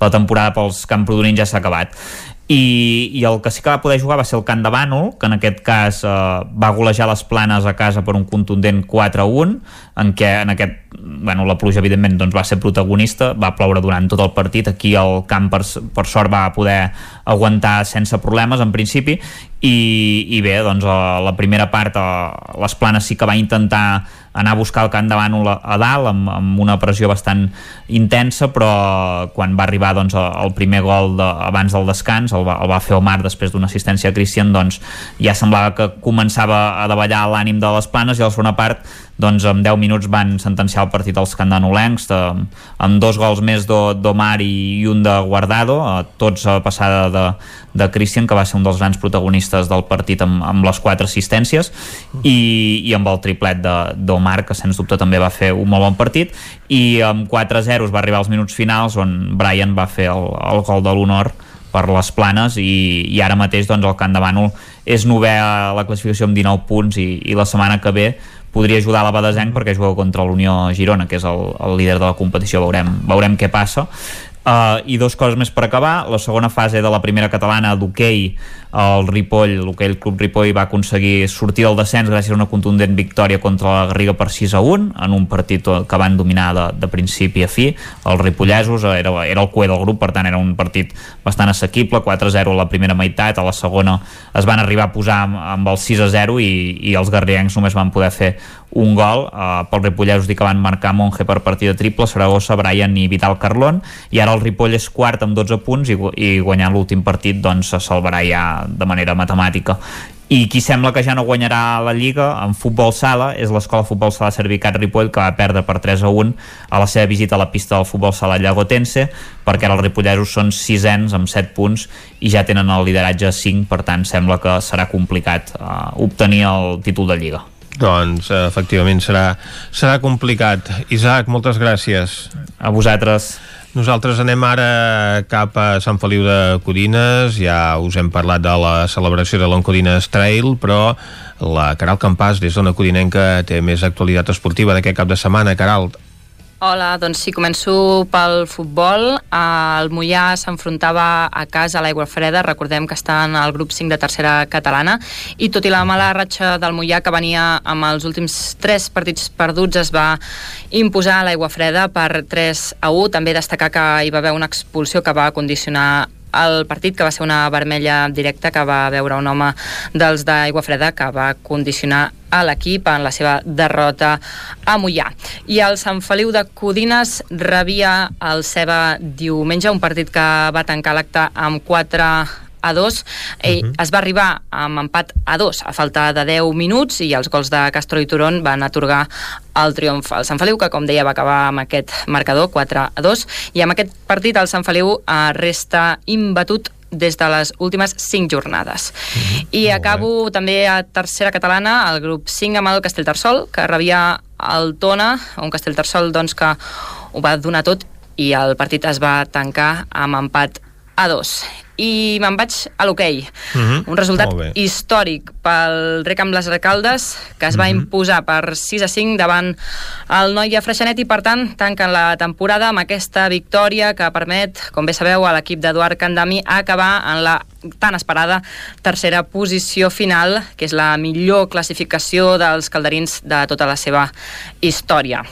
Uh -huh. Eh, bé, ara l'equip té una setmana per preparar el que vindria a ser la Copa del Rei i la Europe Cup. Doncs, efectivament, encara queden uh, competicions per disputar en hoquei uh, patins, uh, un esport que ha donat doncs, aquest resultat històric pel Caldes, tercer al final de l'Hockey Lliga, en un cap de setmana, Esther Rovira, que Bon dia. les notícies per l'hoquei usonenc no han estat tan bones. No han estat tan bones perquè, eh, per exemple, en el cas de l'hoquei Lliga, el Tardell es jugava eh, doncs en aquesta última jornada totes les opcions de permanència, necessitava guanyar i esperar també eh, doncs que els seus rivals, eh, bàsicament el, el Vendrell en aquesta lluita eh, doncs per evitar el descens directe punxessin eh, i ells ja van fallar en, en la part que els corresponia, que era aconseguir la, la victòria eh, i van empatar a casa contra el, el Palafrugell, per tant eh, doncs aquest descens que, que es consumava després de dues temporades eh, a la màxima competició estatal de, de l'hoquei patins. Eh, aquest equip patirà canvis eh, hi ha jugadors que, que es retiren jugadors que, que marxen també hi haurà un canvi de- eh, per tant des de ja es posen a treballar igual que en el seu moment doncs, eh, va passar amb el Club Patí Vic quan es va confirmar el seu descens de categoria ja absolutament centrats en la propera temporada i en intentar retornar eh, doncs a, a l'hoquei Lliga. Eh, és això, aquest any n'hi havia tres d'equips, la temporada que d'usonencs, la temporada que ve només n'hi haurà eh, dos, perquè n'han baixat dos, el Club Patívic i el Taradell, i puja el, el, el Manlleu i continuarà el, el Això ho salva, no? Eh, Exacte. Que el Voltregà no es quedi sol a l'hoquei Lliga. Uh, la, la temporada que ve serà, serà així un Voltregà que per cert aquest cap de setmana uh, va perdre el Palau Blaugrana per, per 5 a 2 uh -huh. um, tot i així una bona, una bona actuació perquè uh, s'han vist, vist golejades d'escàndol No el Voltregà en, en aquest escenari, que- efectivament. i, i per tant eh, doncs això, no és pas un mal resultat un 5 a 2 amb una bona actuació també de, de Blai Roca sota pals. I en el, clas, el cas del Club Patí Vic es va poder acomiadar a casa de la seva afició amb un empat a 4 contra, contra el CUE, contra el Mataró, un equip com ells ja, ja ha descendit. Uh, per tant aquesta seria la jornada uh, en general de, de l'hoquei Lliga però com deies, això, les notícies no han estat bones del tot. El, el, la lluita, l'entrega i el treball que s'ha fet aquest cap de setmana ha estat titànic, però bé, clar, uh -huh. quan s'acaba perdent una final doncs sempre hi ha aquell punt que, doncs que, que sap greu i que la notícia no es pot considerar bona, no? I és que uh -huh. hi havia a Palau de Plegamans aquesta final a 8 de la Lliga Europea d'Hockey Patins Femenina, eh, amb dos participants usonencs, el Voltregà i el, i el Manlleu, tots dos van guanyar el seu partit de quarts de final dijous, per tant, uh -huh. eh, com que formaven part de la mateixa part del quadre, es van enfrontar en semifinals dissabte, en victòria eh, voltreganesa eh, per 1 a, a 2, en un partit uh -huh. molt, molt ajustat, com de fet eh, ho havien estat els seus de quarts eh, també, vull dir, recordem que la part del quadre de, del Voltregà i del Manlleu era segurament la més difícil perquè eh, doncs s'enfrontaven el Benfica i el, i el Cerdanyola a diferència del, del Palau i del Gijón que tenien rivals portuguesos molt més assequibles. Per tant un desgast uh -huh. immens un nivell d'hoquei molt alt el que s'ha vist aquest cap de setmana en aquesta competició um, de lluita, d'entrega de, uh, en un partit aquest de semifinals on la capitana del Voltregà Motxa Barceló es va trencar el nas però això no va impedir que ahir pogués disputar la, la final contra, contra el Palau. Uh, van plantar-hi cara sobretot a la, a la primera part però a la segona um, aquest efecte uh, en aquest estat de gràcia que hem comentat més d'una vegada en què es troba aquesta temporada al Palau en què sembla mm -hmm. que tot li va de cara que evidentment hi ha un treball a darrere immens no? però també s'ha de tenir un punt de sort i també quan estàs eh, doncs en aquesta dinàmica positiva que les coses t'acompanyen també sembla que tot et va molt, molt mm -hmm. més bé tot i així el Voltregà doncs un expert en, en aquestes competicions eh, l'equip que, que, més, que més n'ha guanyat amb un total de 6 optava a guanyar la seva setena Copa d'Europa i no va poder ser perquè van perdre les 6 eh, a 1, com dèiem, en aquesta final, però bé, mm, -huh. Mhm. un equip que ha demostrat que, que malgrat que la Lliga no es va classificar pel, pel playoff per un punt de diferència uh -huh. uh, i que està en reconstrucció i que aquest any que ve també també canviarà molta part del seu gruix perquè pleguen la Motxa, la Teresa, la portera, uh, també se'n va la Laura Barcons, doncs un equip que fins l'últim dia de la temporada lluita i planta cara i està lluitant per, per una final. Veurem què ens depara la Copa de la Reina d'aquí a 15 dies perquè veient el nivell que s'ha vist aquest cap de setmana i tenint en compte que bona part dels protagonistes seran els mateixos, veurem com aniran les, les coses. Veurem si el Palau farà el triplet o bé si el Manlleu i el Voltregà doncs, aconsegueixen posar la cirereta a la temporada. Exacte, si algú li pot plantar una mica de cara aquesta temporada al Palau, que de moment s'està mostrant uh -huh. in intractable, eh? no coneixen la, la derrota i per tant molt difícil, també tenen molt, molt encert i molta efectivitat uh -huh. de cara a porteria i això doncs a vegades els altres no, no ho tenen tant, no? Uh, per tant, això seria el més destacat en el cas de, de l'hoquei patins. Uh. En el cas del futbol, aquest cap de setmana per variar hi havia un nou derbi a la primera catalana, uh -huh. s'enfrontaven el Tona i el Vic Riu primer, uh, i uh, tot i que els de Dani Jovany van ser els que van tenir el domini i les millors ocasions, els de Ricard Ferrés van ser més efectius de cara a gol i van guanyar per 2 a 0, un resultat que deixa doncs, les coses molt de cara al, al Tona, de cara doncs, a acabar primers d'aquest subgrup UA de la primera catalana, disputar la, la promoció d'ascens a tercera, per tant un fet històric uh -huh. uh, per, als, per als tonencs.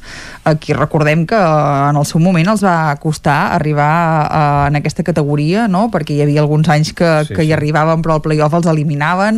Uh -huh. uh, no, no va ser fàcil arribar-hi, però bé, uh, aquesta temporada aprofitant doncs, que potser uh, ells estaven un punt millor que els seus rivals aquí doncs, les lesions o les baixes per la pandèmia els han afectat uh, i sobretot amb el canvi d'entrenador amb Ricard Ferrés que recordem, és una aposta uh, pràcticament guanyadora, no? Mm -hmm. perquè per tots els conjunts on, on ha passat s'ha aconseguit un ascens de, de categoria, doncs aquesta temporada amb aquest treball a la banqueta i, i doncs això, en, en aquestes circumstàncies uh, doncs ho tenen tot molt de cara per aconseguir aquest ascens històric, sempre que vagi bé la, la promoció.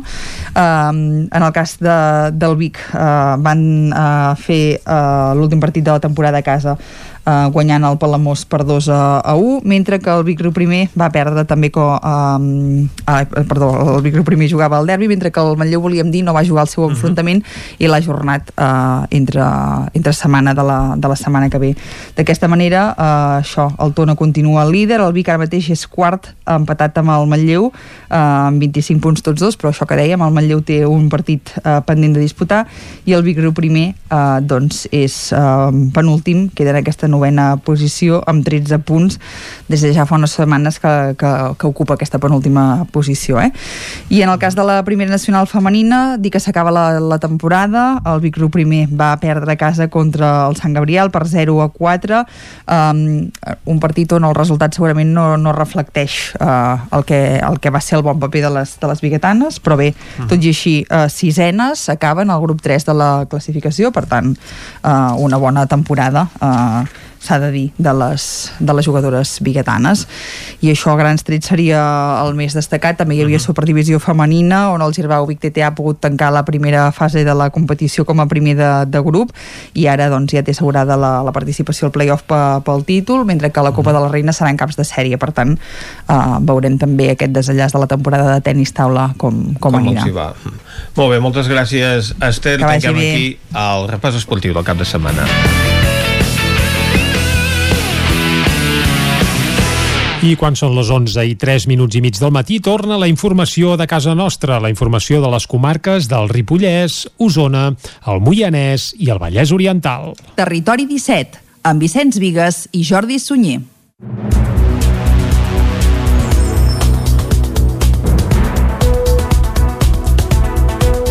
L'Ajuntament de Manlleu ha obert una quarta línia d'ajuts per tal de reactivar el comerç i la restauració local. El Pla de Reactivació Municipal de Manlleu ha obert una nova línia d'ajuts al teixit comercial de la ciutat que s'ha vist afectat per les mesures antic-Covid. En aquest any de pandèmia, des de l'administració local s'han destinat més de 400.000 euros en ajuts directes i s'han creat sistemes d'ajuda a la tramitació de subvencions d'altres organitzacions que han portat a Manlleu més de 300.000 euros més. Des del consistori es considera, però, que cal continuar injectant capital a les empreses que s'han vist obligades a restringir la seva activitat i per això han obert una nova línia de 130.000 euros que repartiran segons el tipus de tancament que hagi tingut el negoci. En el cas del tancament obligatori, com l'oci nocturn o els gimnasos, es podrà accedir a fins a 3.000 euros i si el tancament ha estat parcial, com és en la restauració, es podrà optar fins a 1.500 euros. La convocatòria estarà oberta fins al proper 6 de juny i esperen rebre més de 80 sol·licituds, ho explica l'alcalde de Manlleu, Àlex Garrido. El 2021, com que veiem que la pandèmia encara no ha acabat, tornem a llançar una nova línia de- d'ajuts que van de, dels 1.500 als 3.000 euros. Uh -huh. eh? Per tant, hi haurà comerços que han arribat a, a rebre de l'Ajuntament eh, a l'entorn dels 10.000 euros eh, durant tota aquesta crisi eh, pandèmica. A més d'incentivar el comerç amb aquesta compensació econòmica, des del consistori també es plantegen incloure una línia d'ajut al lloguer comercial o incentivar la creació de nous negocis. Precisament el naixement de Viu Manlleu ja va ser un pla de reactivació de la ciutat en tots els sentits, amb bona acollida. Eudal Sallarès és el regidor de promoció econòmica de l'Ajuntament de Manlleu. És una manera també de, de recolzar un sector econòmic que va patir molt, però també entenem que és promoció econòmica en el fons, perquè la gent que, per, eh, que gaudeix de, de l'activitat eh, cultural doncs segurament es queda a plaça a sopar i això ho vam veure també amb les taules i cadires que, que, vam, que vam comprar. Per tal d'incentivar la vida a la plaça Fra Bernadí, com ja es va fer l'any passat, a partir d'aquest dimarts es muntaran els tendals que fan ombra i permeten augmentar l'aforament de les terrasses. La Guàrdia Urbana i els Mossos d'Esquadra van intervenir en dos apunyalaments a Vic separats per només 4 dies. El primer es va produir el divendres 21 de maig a la carretera de la Guixa. Després de rebre un avís per una baralla, els agents de la Guàrdia Urbana van confirmar que en el punt indicat hi havia una persona amb una ferida al genoll que hauria estat produïda amb un ganivet.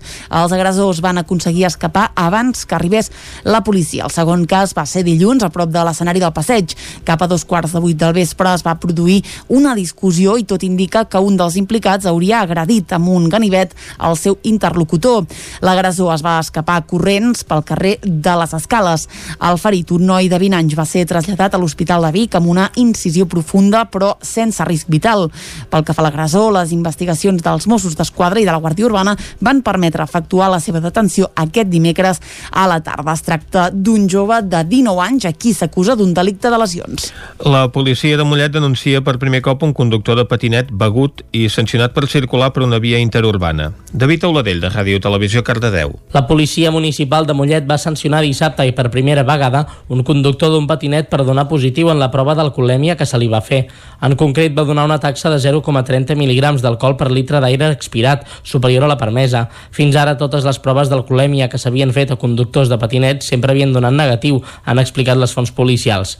Una patrulla va detectar la presència d'un patinet circulant per aquesta via, en un tram que té consideració d'interurbana i on, per tant, no podia fer-ho. Els agents van aturar-lo i van sancionar-lo per una infracció greu.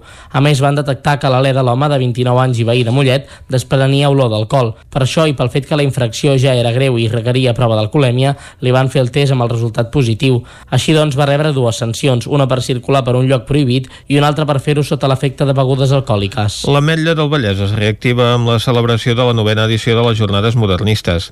Caral Campàs, des d'Ona Cotinenca.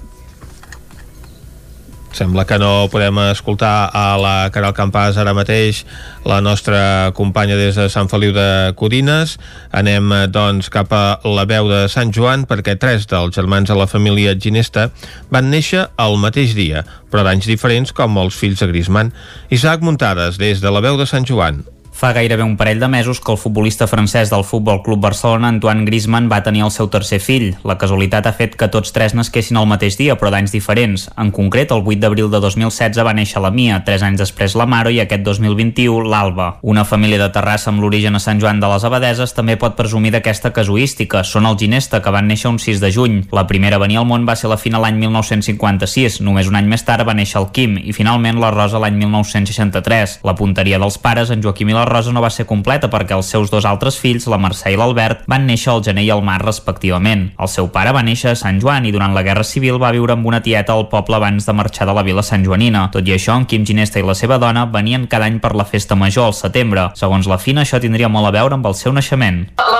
Feien, que m'imagino que no devia ser una tanta broma, No que era broma, eh? no era broma, oi? Que, no, que sempre, o sigui, nou mesos abans, perquè això mm, li feien broma al meu pare, i li feien broma amb Sant Joan de les Abadeses, perquè era, o sigui, després, eh, si això és al setembre, no comptes nou mesos, i al juny eh, ja naixíem nosaltres, no? Llavors dèiem, potser ho celebreu una mica massa tot això, i, i, i nosaltres, doncs això, d'alguna manera sí que som fills de Sant Joan, Amb tot, en el cas de la família Ginesta, els tres parts van ser naturals i segurament la tecnologia pot haver influït en el naixement dels fills de Griezmann, ja que ara es fan cesàries programades i es pot afinar més el dia del naixement. La Rosa també feia un símil de la fertilitat de Sant Joan amb la del santuari més famós del Ripollès. Jo trec la conclusió que, lligat amb la festa major i els nostres naixements, que no cal anar a Núria a posar el cap a dintre de l'oll, no?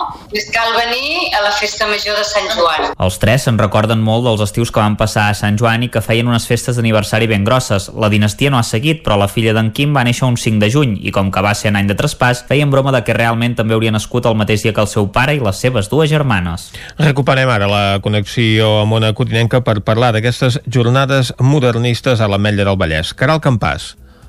El modernisme va tornar a l'Ametlla aquest cap de setmana de la mà de les jornades modernistes. Després d'haver-se hagut de suspendre l'any passat a causa de la pandèmia, l'Ajuntament ha pogut reprogramar enguany aquesta mostra que posa en valor el patrimoni local a través de diferents disciplines artístiques, sempre amb l'època modernista com a marc de fons. Mireia Morillas, regidora de Turisme, explica com van organitzar les activitats per complir amb les restriccions. La jornada modernista en distintos puntos del municipio para, no, para cumplir con las restricciones y que no hayan aglomeraciones. Una de les propostes de més èxit van ser els tallers familiars a la plaça de l'Ajuntament. Els assistents podien fer un taller de trencadís i un taller de dibuix que consistia en crear un mosaic i una aquarela d'estil modernista. A la plaça Vella, una pianola interpretava peces musicals de l'època. Diumenge a la tarda es van fer dos passis de l'espectacle líric poètic Murmuri d'Ametlles, dirigit per Meritxell Roda i produït per l'Acadèmia Mil Notes de Granollers. Paral·lelament també es podia visitar una exposició de vestits d'època a la sala d'art Carles Sindreu. I fins aquí el butlletí informatiu que us hem ofert amb Vicenç Vigues, Clàudia Dinarès, David Auladell, Caral Campàs i Isaac Muntades. I ara, quan falten 3 minutets per un quart de 12 del matí, el que ens toca és anar cap als solidaris que ens acosta cada setmana l'Eloi Puigferrer.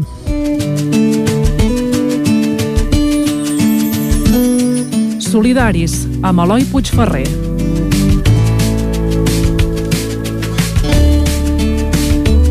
La nostra cerca d'entitats solidàries a les comarques d'Osona, el Ripollès, el Moianès i el Vallès Oriental ens porta aquesta setmana cap a terres vallesanes, on en termes d'assistència a la pobresa i a la societat en general, un nom s'alça per damunt dels amers. Aquest és el de la Fundació El Xiprer Vallès Oriental, entitat que des del 2015 vetlla per les persones que més ho necessiten a la comarca, oferint-los acompanyament, un plat calent a taula i durant els darrers anys també aliments a les persones que més ho necessiten. Tot i la seva recent creació, la trajectòria solidària del Xiprer ve de molt més enllà, d'un moment en el que l'espurna assistencial que van viure en Xavier Quincoces i la Mercè Riera va acabar portant cap a una organització que avui en dia ja és pràcticament indispensable.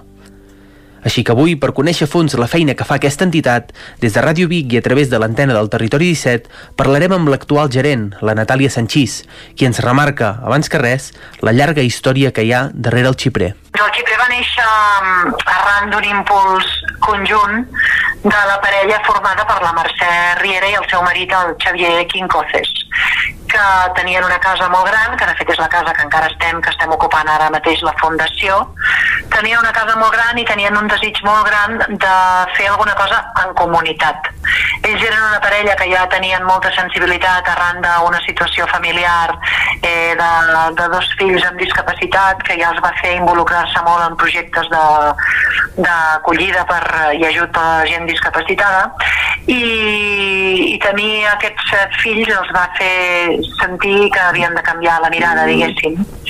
I per tant, eh, això, juntament amb el fet que tenien una casa molt gran, van sentir, diguéssim, que havien de, de fer alguna cosa i van obrir la casa familiar. De fet, l'inici és ben senzill, és obrir les portes de la seva casa familiar a persones que en aquell moment es trobaven soles al carrer, uh, compartint la taula. Vull dir, és, una, és un fet senzill que és el de compartir la taula amb persones que no tenen, no tenen uh, família, no tenen amics, no tenen sostre, no tenen menjar. A partir d'aquell moment que t'estic parlant de l'any 95 o 96, van començar a fer sense potser ni proposar-s'ho, però van començar a fer el que és acció social i, i ajuda, no?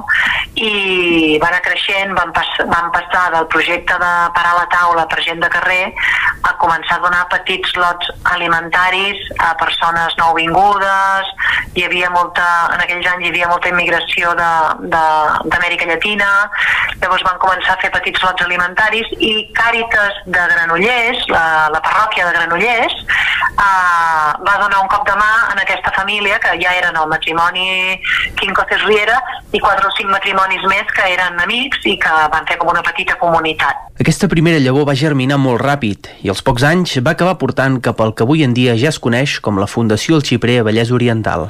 A poc a poc doncs, es va anar fent gran, eh, es va anar coneixent que el xiprer feia lots alimentaris, que el xiprer ajudava persones sense llar, etc etc i cada vegada venien tant més persones voluntàries com més persones usuàries.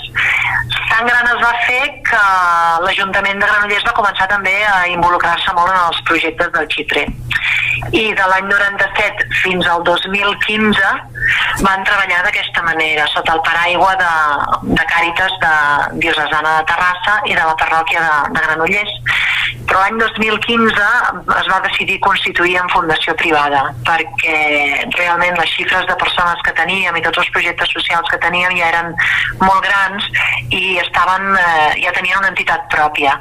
Per tant, l'únic que ens va faltar era tenir una entitat jurídica i vam dir que en comptes d'anar sota el paraigua de l'Església, doncs que ens constituíem en fundació privada i ens vam constituir l'any 2015, el juliol, com a Fundació El Xiprer eh, de Vallès Oriental. Que s'entén és que neix de, de la idea, de la visió de dues persones, que són aquest matrimoni, que a dia d'avui la Mercè Riera és la presidenta d'aquesta fundació i encara està aquí, encara és voluntària, el senyor Quincotes va morir fa uns anys ja, però és bonic perquè la Mercè encara hi és i molts dels voluntaris que van començar amb ella als anys 90 i pico encara hi són, encara venen a fer voluntariat aquí amb nosaltres. I el projecte ha anat canviant molt amb els anys, igual que han canviat les necessitats i els perfils de persones que tenem, doncs el projecte també ha canviat. I ara som doncs, una fundació privada, eh, ens hem professionalitzat perquè ara hi ha quatre professionals treballant aquí, però el motor segueix sent el voluntariat, perquè tenim 170 voluntaris. La línia d'ajuda que sempre ha caracteritzat el xiprer s'ha mantingut al llarg de tota la seva història, però com ja ha mencionat Sanchís, l'àmbit d'acció social ha anat canviant amb els anys. La gerent explica en què se centra actualment l'entitat ballesana. Nosaltres estem molt enfocats i de fet és el nostre món en el món de la, de la marginació i l'exclusió social i la pobresa. Llavors, marginació i exclusió social inclou molts col·lectius, eh, des de les persones immigrants nouvingudes de l'Àfrica subsahariana i del Marroc, que són aquests joves que arriben en condicions molt i molt precàries, que ho veiem cada dia a les notícies, amb pasteres, amb, amb camions camuflats. Aquests nois majors d'edat, sí que voldria recalcar que nosaltres no, no toquem el tema menors d'edat, val? però nois a partir de 18 anys que estan a casa nostra sense papers, en situació irregular, que no poden treballar, que no poden estudiar i que realment estan molt desemparats. Aquest per nosaltres és un col·lectiu que no és només de pobresa sinó de marginació social també.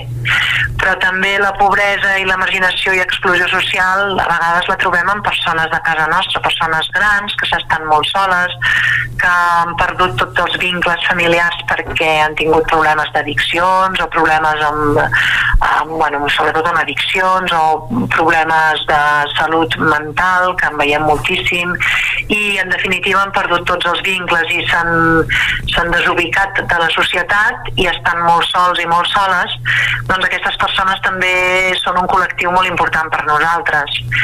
I també després el que diem, doncs la pobresa, no? la pobresa de tantes i tantes famílies catalanes que estan passant des de fa molts anys per moltíssimes dificultats. Eh, de vegades sí que són situacions puntuals, però de vegades estan molt cronificades. És el que nosaltres ara diem també als treballadors pobres, persones que treballen però que els sous són tan, tan justos que no, que no arriben a tot arreu i aquí és on nosaltres entrem amb els nostres ajuts alimentaris. Per tant, pobresa, exclusió social i, i soledat són els col·lectius amb els que treballem. A la pràctica, aquesta atenció ha acabat centrant-se en accions ben concretes, però enfocades directament a les persones més necessitades de la societat. I quan una persona està sola, tenir companyia i un plat calent a taula ajuda molt. Aspecte que el xiprer tracta a través d'esmorzars i dinars solidaris. Aquests col·lectius amb els que estem treballant els diferenciem i cada un d'ells té un projecte mm, que li és propi. És a dir, per exemple, els nois, del, els nois nouvinguts que estan en situació irregular sense papers, els tractem i estem i acompanyant-los en el projecte que li diem el dels esmorzars, que és, doncs això, és un esmorzar. Obrim la casa a les 9 del matí i servim un esmorzar molt i molt eh, complet perquè és l'únic cop al dia que els veiem en aquests nois. Ells venen aquí, eh, eh, esmorzen i amb l'excusa de l'esmorzar el que fem és vincular-los amb la fundació, és a dir, els hi preguntem els seus noms, cognoms, quant de temps porten a, aquí a casa nostra, si estan vivint al carrer o estan vivint a sota, si tenen algun sostre, si s'han pogut empadronar, si tenen família o amics del seu país aquí. És a dir, intentem doncs, fer una mica una fitxa de cada un d'ells i que se sentin acompanyats. Els ajudem amb els tràmits que puguin fer, que no en són gaires però són imprescindibles, com és el del padró, i els ajudem a relacionar-se amb l'administració, a aconseguir la targeta de salut de Creu Roja i doncs a explicar-los quina és la realitat que es troben quan arriben a, a casa nostra, que és molt diferent de les que ells havien pensat. Llavors, eh, al Xipre sempre treballem molt al voltant del menjar, val? és sempre el nostre pretext per acostar-nos a les persones, i en el cas d'aquests nois és l'esmorzar. Aquí el voluntariat prepara un esmorzar molt complet, després de l'esmorzar, si tenen alguna demanda, treballen amb la nostra fundació, hi ha una educadora i un educador socials, i llavors amb aquests educadors i educadores fan tots els tràmits que necessitin. L'altre col·lectiu de persones, que són ja persones més més grans, que són el 98% són d'aquí, de casa nostra, que, que el problema que tenen és la soledat, és a dir, que no tenen vincles, aquestes persones venen a dinar val? no coincideixen amb les de l'esmorzar perquè són dos col·lectius tan diferents, amb necessitats tan diferents, que hem cregut necessari fer, bueno, sempre ho hem fet així, eh, des de fa molts anys. Llavors elles venen a dinar i estan més estona aquí perquè compartim una estona a la casa, té un pati molt gran, i compartim una estona amb ells al pati, doncs xerrar, eh, fer-los companyia, eh, ajudar-los en temes de salut, perquè moltes vegades són persones grans molt deteriorades, perquè potser han viscut al carrer o han estat alcoholitzades, i els, els acompanyem en tot aquest procés de, doncs, això, d'escoltar-los, de, de cuidar-los, i amb ells el que fem és un dinar. Més enllà del plat calent a taula, el xiprer també vetlla perquè les famílies més necessitades puguin tenir tots els aliments que els cal. I en col·laboració amb els ajuntaments de la comarca també elaboren cistelles d'aliments bàsics. L'altre projecte, que és el dels lots alimentaris, eh, és un projecte que nosaltres no decidim a qui donem aquest ajut perquè és tan alta la demanda que hi ha, tant i tant i tant, que necessitaríem molts educadors socials per poder atendre tothom. I per tant això es fa a través dels ajuntaments. Dir, els ajuntaments de Granollers de les franqueses del Vallès, de Canovelles i de la Roca del Vallès, a través dels seus serveis socials ens deriven les famílies que consideren que necessiten un ajut alimentari. Això fa 5 anys, des que som fundació privada, que ho fem d'aquesta manera. I llavors, com que els ajuntaments tenen un potencial de tècnics i tècniques molt important, ells ens deriven les famílies i nosaltres el que fem és procurar que el lot alimentari que entreguem sigui molt complet. Tenim un magatzem al polígon industrial del Ramassà. Abans el magatzem estava aquí a la casa, però com que tenem a tanta gent se'ns havia quedat petit. Se'ns barrejaven les famílies amb els altres dos col·lectius i no era, no era ni operatiu ni, ni tampoc era agradable, no? perquè llavors fèiem esperar massa la gent i al final el 2015 també vam decidir traslladar al magatzem d'aliments amb unes naus industrials que allà treballem molt més a gust, molt més amples, els voluntaris i voluntàries estan molt bé i allà doncs, aquestes famílies i persones que ens deriven als serveis socials venen a recollir un cop al mes els seus aliments. Actualment estem atenent a 4.000 persones, crec que són. Estem fent unes 1.100, 1.200 famílies. Tot i la seva relació amb els ajuntaments, el xiprer tira endavant gràcies a la col·laboració de moltes persones que, portant el seu granet de sorra, asseguren la continuïtat de l'entitat. Sanchís explica de què viu i de què sobreviu el xiprer. Doncs nosaltres això, els, els diners que rebem són la, crec recordar que és el 40% de, la, de les nostres fonts d'ingressos són dels socis i les sòcies a través d'aquesta associació, Amics del Xiprer. Després rebem ajuts de, en forma de subvenció de la Generalitat cada any i dels ajuntaments que treballem per ells i ens donen una subvenció per poder tirar endavant el projecte del banc d'aliments. Després de donacions de particulars, evidentment, tota la gent que vulgui pot fer una donació eh, tant a la Fundació com a l'associació. Totes dues són entitats declarades d'utilitat pública, per tant totes dues desgraven. I després, clar, com que nosaltres, com t'he dit, treballem amb els aliments i amb l'alimentació, doncs tenim la gran sort de tenir moltíssimes donacions d'indústria alimentària. Rebem de Banc dels Aliments i rebem dels programes de Creu Roja, però a més a més rebem de, de les indústries de la zona. Tenim eh, 4 o 5 eh, indústries molt potents aquí, que són grans amigues del xiprer i que ens fan moltíssimes donacions. Llavors, doncs, el que costa una entitat com la nostra doncs, és l'estructura, no? tirar-la endavant. Però jo el que diria és que si les persones els interessa la nostra tasca, que consultin la nostra pàgina web i hi ha diverses maneres d'ajudar-nos, fent aportacions, fent-se soci, venint a fer voluntariat, eh, no sé, és, és fàcil, és fàcil connectar-hi. Eh, evidentment és més fàcil si ets de Granollers o, de, o dels voltants, però, però bueno, si més no que entrin a la pàgina web i coneguin el que fem. Malgrat que la situació social, també greujada per la pandèmia, sembla que va pitjor i que les polítiques socials no arriben a cobrir totes les necessitats, Sanchís té clara quina és la visió de futur amb la que ha de treballar el xiprer a 10 anys vista. A mi m'agradaria d'aquí 10 anys que el xiprer només quedés l'acollida i que el magatzem d'aliments hagués desaparegut perquè el magatzem d'aliments és molt dur és molt dur haver de fer això eh, que ho fem supercontents i, i tranquils i, i acompanyant a les persones. Però el magatzem d'aliments és un, hauria de ser un anacronisme ja d'aquí 10 anys. I la casa on estem ara doncs els acompanyaments, bueno, per acompanyar les persones que estan soles sempre faran falta persones i això és bonic. Eh, tot i que veiem realitats molt dures aquí també eh? però d'aquí 10 anys jo voldria que, que no hi fos eh, el magatzem d'aliments quedés tancat Malauradament, de pobresa, desigualtats i injustícies socials sempre n'hi haurà, però la feina que fan entitats com la Fundació El Xiprer Vallès Oriental ajuda a combatre la mala situació de vida en la que han de conviure moltes persones i els dona aquella empenta necessària per sortir endavant. I tot i que la pandèmia encara ha posat més contra les cordes a tot el teixit social, la fermesa i la força que demostra l'entitat ballesana augura una llarga trajectòria d'ajuda social a tota la comarca. Doncs avui que l'Eloi Puigferrer ens ha costat la feina que fan des del Xiprer, una feina encomiable i que cal lluar i aplaudir. Uh -huh. Efectivament. Ara fem una pausa al territori 17 i tornem d'aquí un moment. Exacte, fins ara. El 9 FM, la ràdio de casa, al 92.8. Impremta Mater, el servei de particulars i empreses. Fem catàlegs, llibres, papereria corporativa, targetes, fulletons i també venem material d'oficina i escriptori, bolígrafs, arxivadors, grapadores, llibretes i molt més. Mater Impressors des de 1957. Impremta Mater. Ens trobaràs a la carretera de Sant Hipòlit, número 23 de Vic i a la impremtamater.com. Sonocar, empresa dedicada a la compra i venda d'automòbils amb més de 20 anys d'experiència. Els nostres vehicles són completament revisats abans de la seva entrega. Quilometratge certificat amb la garantia exclusiva de Sonocar. Financem el 100% del vehicle. Vine a conèixer-nos i t'assessorarem. Sonocar, ens trobaràs a la Rambla Josep Tarradellas, número 2 de Vic, al telèfon 93 883 31 28 i a sonocar.cat. Hi ha sensacions que són úniques. Aquell bany relaxant, mirar per la finestra quan plou i com les calderes Bailand, que li ofereixen fins a 15 anys de cobertura total amb el servei tècnic oficial Bailand. Informis a Oficiat Nord trucant al 93 886 0040. Amb el servei tècnic oficial de Bailand, la seva caldera estarà en les millors mans.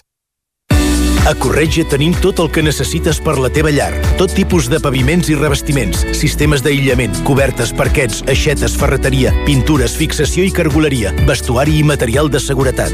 Disposem de més de 3.500 metres quadrats d'exposició amb una nova zona exterior d'aïllaments. A Corretja som especialistes en cuines i banys. Us assessorem, dissenyem i realitzem el projecte des de l'inici fins a la fi del muntatge.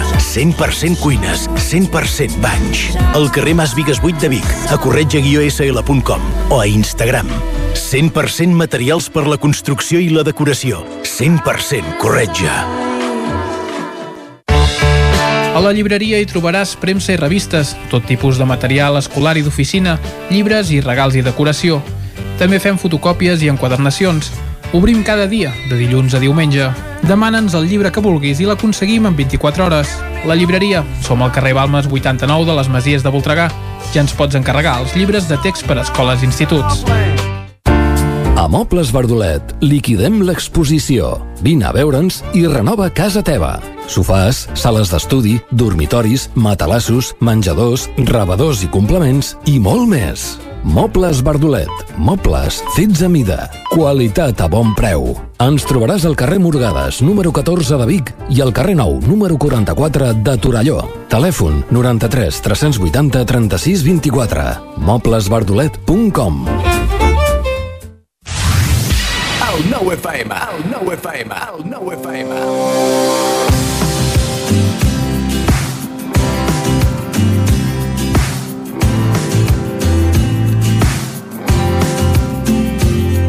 A la comarca del Vallès Oriental i amb una important activitat industrial com a punt de transport, emmagatzematge i distribució d'importants empreses instal·lades a Catalunya, Parets del Vallès conserva encara el poble antic. Situat dalt d'un petit turó i amb un interessant nucli comercial als carrers Major, Barcelona i Raval, la part històrica del municipi no ha perdut l'essència que va originar el creixement de l'Eixample a partir dels anys 30 del segle XX. I malgrat la industrialització hi ha interessants vestigis del passat, com la Torre de Cellers.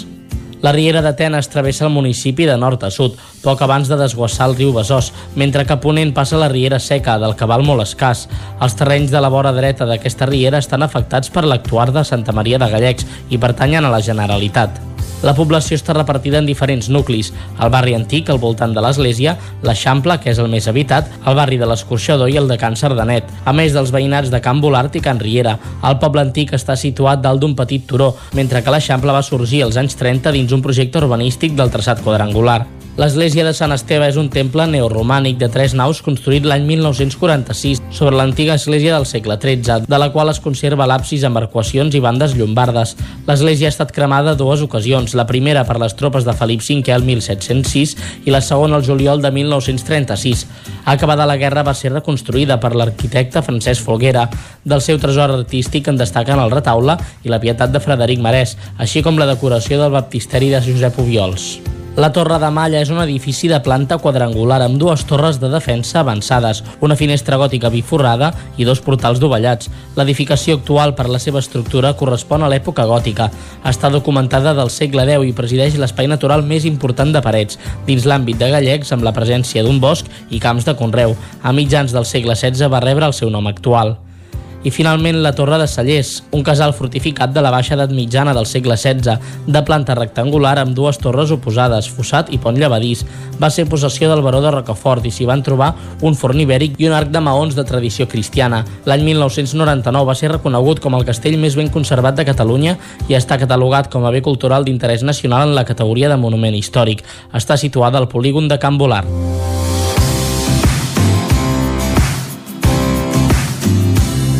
Territori 17. Doncs Parets del Vallès, que a part de tenir molt ciment i moltes carreteres i moltes infraestructures i indústries, doncs també té alguns atractius històrics i culturals, com ha quedat clar avui al Descobrint Catalunya. Fins i tot estació de tren. És el que anava a dir. Parets del Vallès també té estació de tren i la R3 hi para, hi para sovint, uh -huh. i nosaltres és on anem ara, cap a la R3, a la Trenc d'Alba. Sí? Endavant. Endavant, endavant, anem-hi.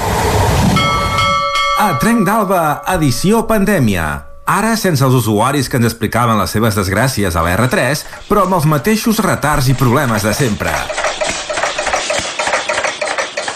Benvinguts a Tren d'Alba. Hi ha molts usuaris que aposten per una combinació del transport públic amb el transport sostenible. Això passa amb tota aquella gent que agafa el tren per anar a treballar, però com que l'estació potser no queda tan a la vora del seu lloc de treball, doncs s'emporten la bicicleta per poder arribar-hi més ràpidament. Per facilitar el viatge a aquestes persones, els trens han d'estar plenament adaptats per transportar les bicicletes. Doncs bé, és cert que als combois hi ha suports per bicicletes, però no els suficients. L'usuari de Twitter Valentí Zapater es queixava, amb fotografia inclosa, que només hi havia dos suports per bicicletes, quan hi havia 8 bicicletes en un sol vagó i es demanava que quan s'atendria aquesta demanda. El viatger de l'R2 del Sud li contestava que quan arribessin els trens nous. És evident que cada cop hi ha més gent que es mou en bicicleta, per tant, és imprescindible que els trens s'adaptin com més aviat millor a aquestes circumstàncies. Va, ens retrobem demà amb més històries del tren i de la R3. Territori 17. Doncs l'Isaac Muntades que vol aparcaments per bicicletes a dins dels trens, però ara el tindrem com a tertulià i no pas com a ciclista,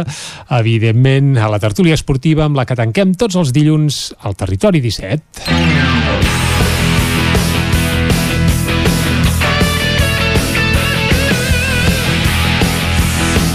I l'Isaac Muntades, Vicenç, no el tindrem pas sol, sinó no. que vindrà acompanyat dels tertulians habituals aquí a Territori 17, oi? Sí senyor, vindrà acompanyat d'en Lluís de Planell i d'en Guillem Freixa.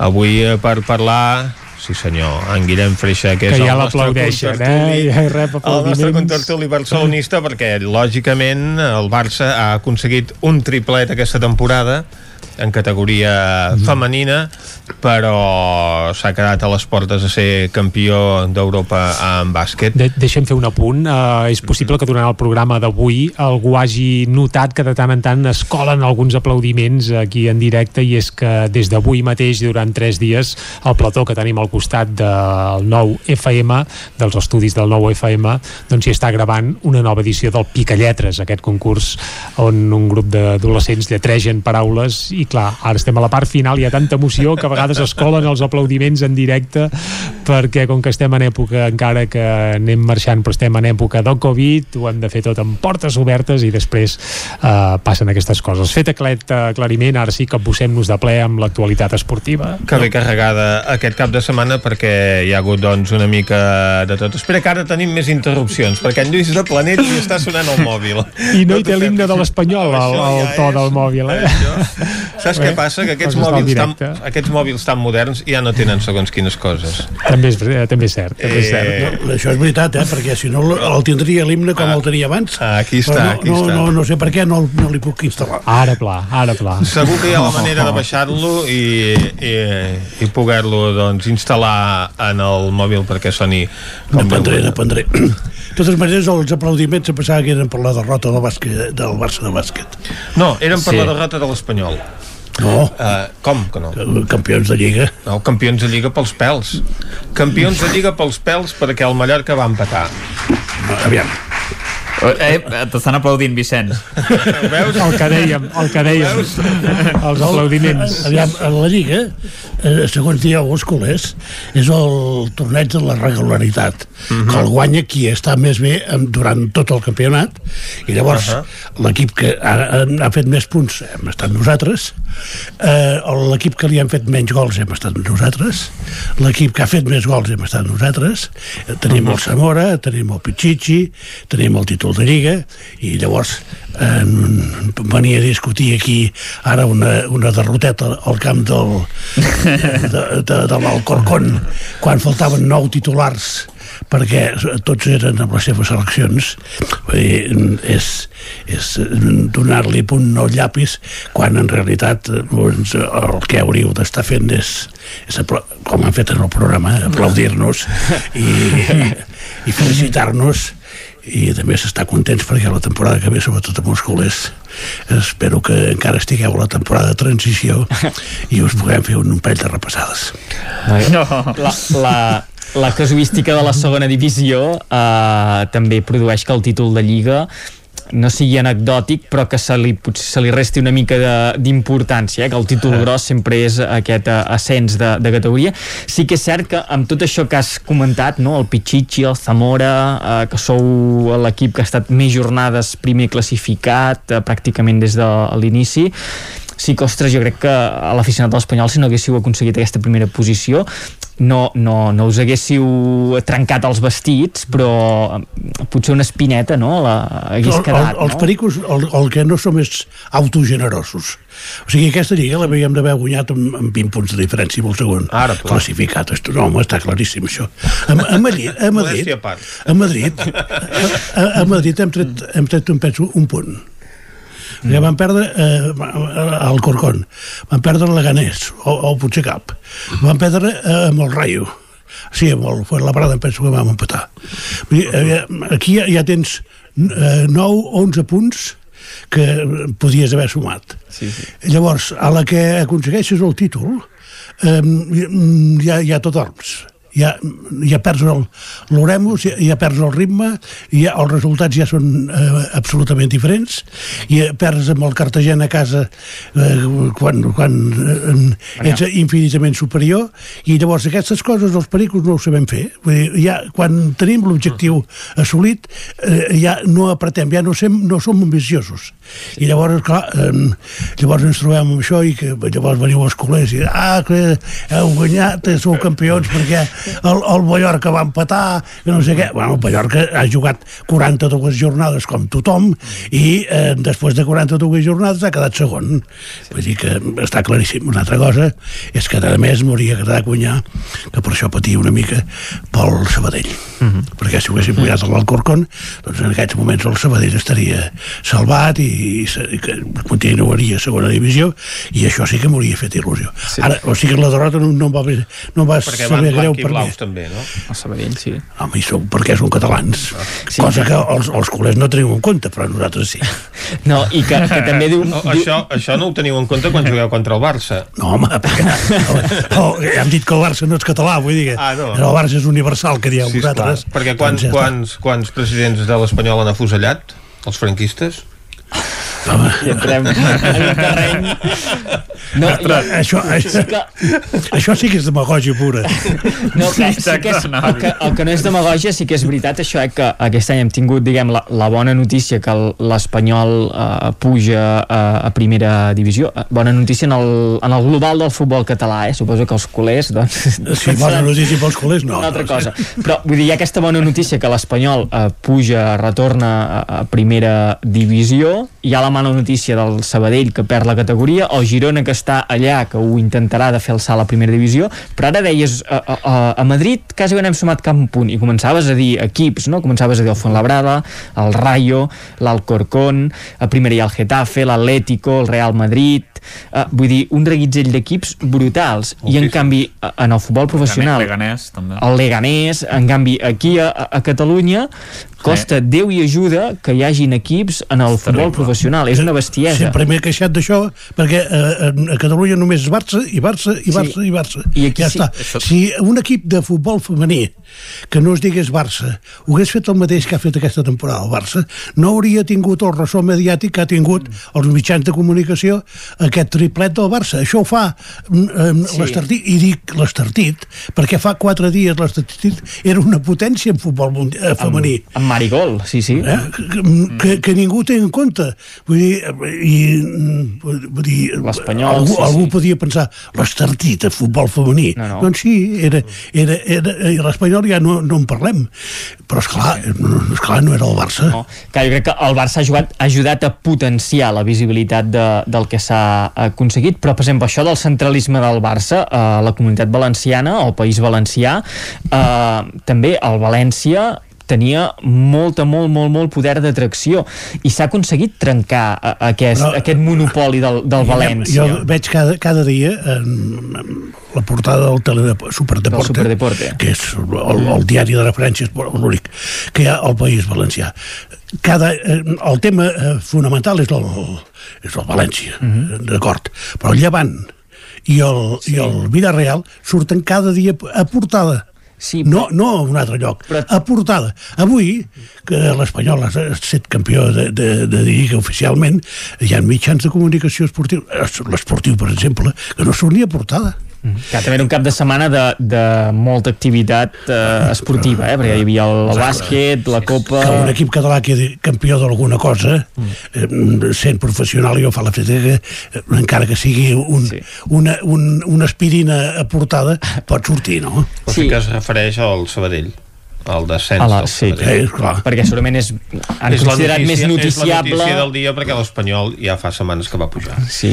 No, i que a vegades també trencar aquest monopoli és, és feina dels, de, dels propis equips, no? Ara deies això de Superdeporte, que ara fan sortir Llevant, Vilareal, tots els equips eh, professionals que tenen a, a portada, però jo crec que si fem una mirada 4 o 5 anys enrere, quan potser l'únic que feia una mica de sombra al València era el Vilareal, això jo crec que no passava, vull dir que a vegades també és allò eh, que, que és abans l'ou a la, la gallina que Aquest, any, aquest any ha anat molt per ells, el València sí. i el Llevant, per exemple. Sí, sí, sí, però és el que et dic, eh, que és, és ara, però que, que aquí no s'ha aconseguit mai que hi hagi uh, dos, tres equips consolidats en el futbol professional. El Barça i l'Espanyol sí, però que no, ha, no és que ni és segona. Vull dir, el Girona ara sí que fa 10 anys que està eh, entre segona i, i primera, però que allò un equip consolidat, com jo que sé, eh, això que et dic, eh, un, un Llevant que fa molts anys que està entre segona i, i, i primera, eh, una Almeria que també ha anat eh, pujant i baixant, això costa molt aquí a, a Catalunya que hi hagi aquest tercer, tercer equip, no? És que mm, si fossis Perico, te n'adonaries de, de per què passa això. Bueno, però jo crec que no- no totes- I, també es veus, veus unes diferències eh, tan extraordinàries. Però a Madrid amb no els mitjans passa. de comunicació. Però a Madrid no passa. Per això mateix, que com que no, No, no, passa, llavors vull hi ha altres equips que, No, no. que poden tirar endavant. Dic que, I a València... Dic que no passa el fet que, que, que costi tant que s'enganxin nous equips al futbol professional i també tenen dos eh, patums com el Real Madrid i l'Atlético de Madrid. I és que més en tenen dos, Sí, sí, que aquí només això. en tenim un. Vull dir que és, és estranya, no sé si també a nivell de, no sé si de, de clubs, de formació, de, de federació, eh, no s'acaba de donar el, el suport o no es té el, el suport en els clubs necessaris, els gestors dels clubs no acaben de fer bé les coses, però que costa molt aquesta consolidació i, i Clar, aquí en el cas del Villarreal hi va haver un empresari que va Sí. apostar per aquest club, el I va aquí- portar a segona B Sí, sí. A ser aquest cap Sí, de setmana campió, de la Lliga Europa. Molt bèstia. Hi ha hagut un empresari Sí, que ha sí. comprat un club eh, català, el va prometre portar a la Champions i era a segona divisió. Sí, sí, sí. I, el, el Reus, vols dir, ara? No. Ah, no, vols dir No, no. l'Espanyol. El... Sí, sí, que, que també n'hi va haver. Sí, Clar, eren que empresaris també- diferents, eh? Sí, també, també depèn de com es fan les coses, Perdó, no? aquest empresari fa 20 anys que va comprar el Villarreal Sí, sí. I ara, ara ha guanyat la, la, la competició. Sí, sí. Entremig. Però, esclar, d'acord, però... I, I va estar a, a, a un penal d'arribar a la final de la Champions. Sí, sí. Això també és cert. Sí. Però però eh, hem de reconèixer que tot, tot això eh, ve en un període llarg de temps Bueno. i la, per mi, eh, jo no sé si ho va dir ell o li van traduir malament allò que en 3 anys siguem a la Champions això no s'ho creia ningú ara, ara és una Us mala perseguirà. traducció, resulta. home, no, no, home, és que, és, Perseguirà. Dos, eh, és, és que no té sentit. Bueno, si tens mil milions... Mira, hi ha un senyor que va comprar un club que es anava entre primera i segona a Anglaterra i que aquest any ha, ha quedat campió de la Champions. L'Ibrahimovic amb el, Amb el amb el Chelsea. Chelsea. Sí, sí, sí. Aquest, eh, el Chelsea era, era, era un club eh, que anava pujant i baixant entre primera i segona a Anglaterra. Eh, el compra aquest senyor, carregat de dures, ara fa potser 25 anys que el va comprar el Chelsea. Eh? No, el 2004, 2003-2004 que el va com, el Com vols dir que no, entre- que, que no era abans? jo crec Però que, és igual. Bueno, que són anys, és una cosa a, a llarg termini i que potser, això sí que és veritat, eh, que potser aquí a Catalunya eh, el teixit empresarial mm, no s'ha abocat amb, amb l'esport o no s'ha acabat de... S'ha abocat amb l'esport, tu has dit, no és només una qüestió del futbol, sinó que podríem En general. dir el mateix, exacte. Perquè l'hoquei en aquests moments està fatal. Sí, sí, bueno, ja es veu. A tot arreu, Sí, sí. només és- queda el Barça i el Liceu. D'aquí ja no hem de parlar ni d'empresaris perquè mai hi ha hagut una gran empresa no. que hagi apostat amb l'hoquei No, patins. perquè és això, el Villarreal segurament a darrere hi ha la, la família Roig no? amb, uh, posant els, els diners però eh, que hi hagi la família Roig arrossega el de l'empresa X, el de l'empresa Y el de l'empresa Z que també volen O ser sigui, l'estadi es diu de la ceràmica Sí, sí. és, és perquè les empreses de ceràmica s'hi aboquen. Mm. Dir, això està claríssim. També és veritat que eh, en Roig aquest volia anar a Castelló perquè el seu objectiu era, era, el camp, Castelló. era el Castelló perquè Mm. en aquells moments el Villarreal tenia un camp de, de tercera divisió perquè Mm-hmm. eh, l'han fet nou en, en, allò, allò que dèiem eh, amb tots aquests anys i va anar a Castelló i li van dir que un senyor de, de València no comprava el Castelló i el Castelló acaba de baixar eh, a segona, bueno, Segona segona, B, B, o com se digui ara, i, i el Villarreal campió de- d'Europa. De, Vull dir que, imagina tots, eh, diguem, la, la, el, els prejudicis que a vegades hi han amb, amb, amb, una comunitat concreta. De totes maneres, jo deixa'm dir que als Pericos tenim un, un bisetmanari, com el nou, que es diu La Grada, que segueix la informació i que és, és és fantàstic. I és mm, malauradament amb el mateix idioma que els diaris del Barcelona però Campeón casi sin querer, diu la, avui la grada. sí, sí, perquè és, és que a més és, és, és punyent, eh? vull dir que no fa autocrítica. No, sí, no, no és com el Mundo o, o com l'esport Bueno. que, que no, els hi posa eh, camins de roses a, a derrotes importantíssimes. Funció. després del, del, del 2 a 8 semblava que la culpa era de l'àrbit Què decepció, diu l'esport, sobre el partit de bàsquet i històriques pel que fa a les noies del futbol. No, és que clar, el cap de setmana a nivell blaugrana no? també ha tingut aquesta de, una de freda i una de calenta no? el, el, el femení que aconsegueix aquest triplet eh, històric jo crec que, que va més enllà eh, del resultat esportiu, tot el que s'ha viscut aquesta temporada amb el futbol femení, el que dèiem el debat aquest que hem tingut a vegades aquí eh? Avui som que, portada de tots els diaris catalans d'informació general. Clar, perquè jo crec que hi ha un rerefons eh, social i, i, i de canvi de, de paradigma no? en el món de l'esport i el, el paper que han de tenir les dones en el- en l'esport professional i llavors la part negativa és el bàsquet un bàsquet que A mi m'agradaria molt que el futbol femení triomfés, ho dic sincerament. No és pas que en sigui molt partidari, jo n'he vist bastant o molt, i eh, em em sembla un altre... O sigui, em sembla molt diferent, diguem-ho així. Sí, bueno. eh? Eh, però també em sembla que econòmicament hi poden arribar molts més clubs que no pas en el futbol professional masculí, que ja, ja veiem que, que costa moltíssim. Vull dir que el pressupost per un equip femení és relativament més modest que eh, en, el, en el cas del masculí. L'altra cosa és la, la, la, eh, la recompensa que poden tenir les empreses que hi apostin per aquest futbol. Que vull dir que amb això encara està una mica a les beceroles. I jo m'agradaria molt que, que la cosa funcionés però també hem de pensar que, la, que el Barça en aquest moment té eh, pràcticament totes les, les Sí, millors sí. jugadores eh, que queda molt poca cosa per als altres clubs. Vull dir que serà molt difícil que el Barça li surti competència si eh, Isaac, el senyor Florentino, no s'aboca mm. pel futbol femení. Jo crec que, que, que haurà sigut un, una provocació, en el bon sentit de la paraula, que el Barça hagi fet tan bona temporada per, per Florentino Pérez i per, per el Madrid. I que no sé si la temporada que ve ja sí, però que acabarem veient el Madrid eh, en, aquesta, en aquesta lluita per al futbol femení. I l'Atlético de Madrid també ja, ja està força consolidat però que continuaran a, apostant-hi. Mm -hmm. no sé l'Isaac com, ho veu? Sí, bueno, no, aviam, el Madrid l'any que ve en principi em sembla que ja jugarà la Champions, si no estic equivocat, perquè crec que ha quedat segon o tercer de la Lliga, ara no, ara no ho recordo, eh? amb el Llevant anaven molt igualats, em sembla, el rival del Barça i la, a la Copa, i suposo que el fet de ja en la primera temporada que l'equip s'ha dit Madrid, que ja era el Real Madrid doncs, eh, bueno, a l'haver fet tan bona temporada, doncs sí que suposo que s'hi abocaran més diners, s'han fitxat bastantes jugadores uh, de, dels millors equips d'Espanya sobretot s'ha buscat gent d'aquí espanyoles bàsicament. Vull dir no, que tinguessin nivell i, i l'any que ve també uh, vindran jugadores uh, bones, em sembla que una davantera del Llevant que em sembla que es diu Esther vindrà mm. l'any que ve al Madrid. Vull dir que ja ha, ha fi, està fitxant una sèrie de jugadores que poden ser molt bones, fins i tot sonava Hamraoui del Barça pel Madrid Hòstia. que no, sí, sí, yeah. no, no que, que això també em va sorprendre molt però, però sonava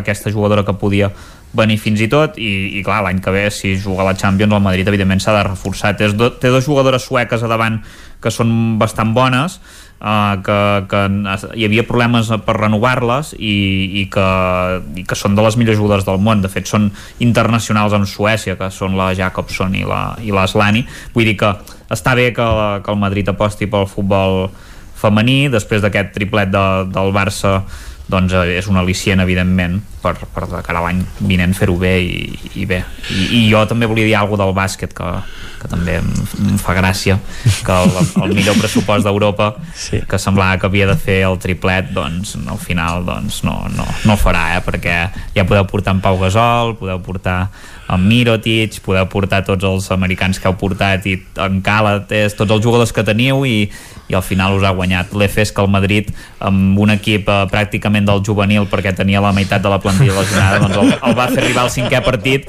i el va estar a punt de guanyar vull dir que, home però no teníeu si... el millor entrenador del món?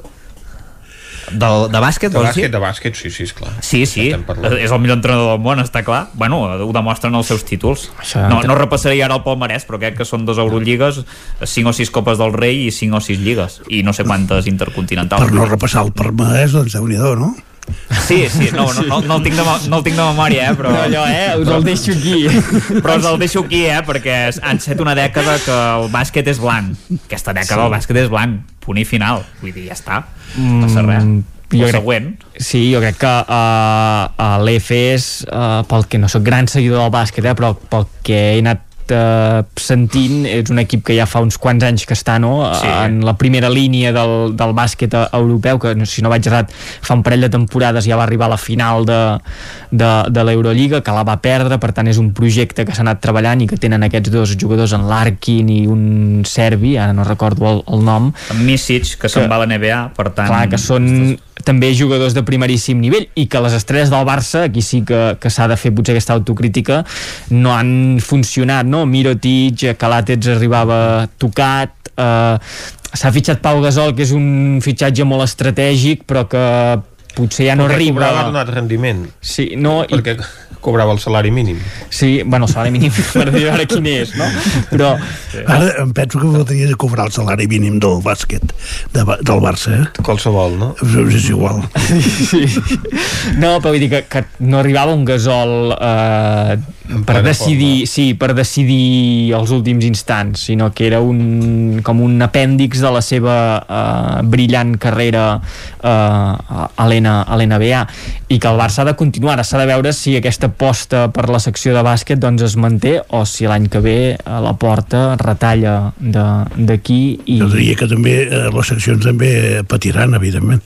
Una altra cosa és que en Pau Gasol ja també ho va dir, no ho va passar amagar, que ell es preparava per anar als Jocs Olímpics. Jocs Olímpics. Mm -hmm. Vull dir que... Sí, sí.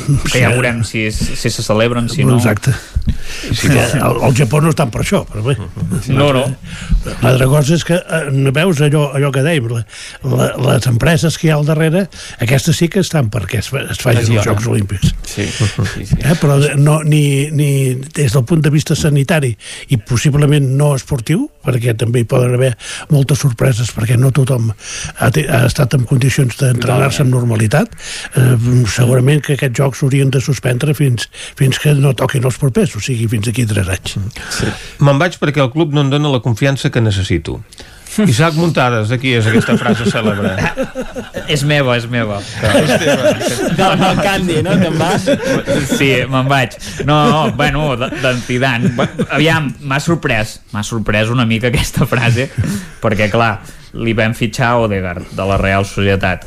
Uh, teníem Reguilón, teníem a Asraf, que van marxar fora, que eren jugadors que, que, bueno, que, que per un projecte a llarg termini, perquè aquí també em sembla que comentava del projecte a llarg termini ell, i se li han fitxat alguns jugadors joves per, per fer un projecte a llarg futur i Jovic, que el va demanar ell que ja no sabem on està, quin equip està, està a Alemanya, no sabem si tornarà, bueno, ja ho veurem.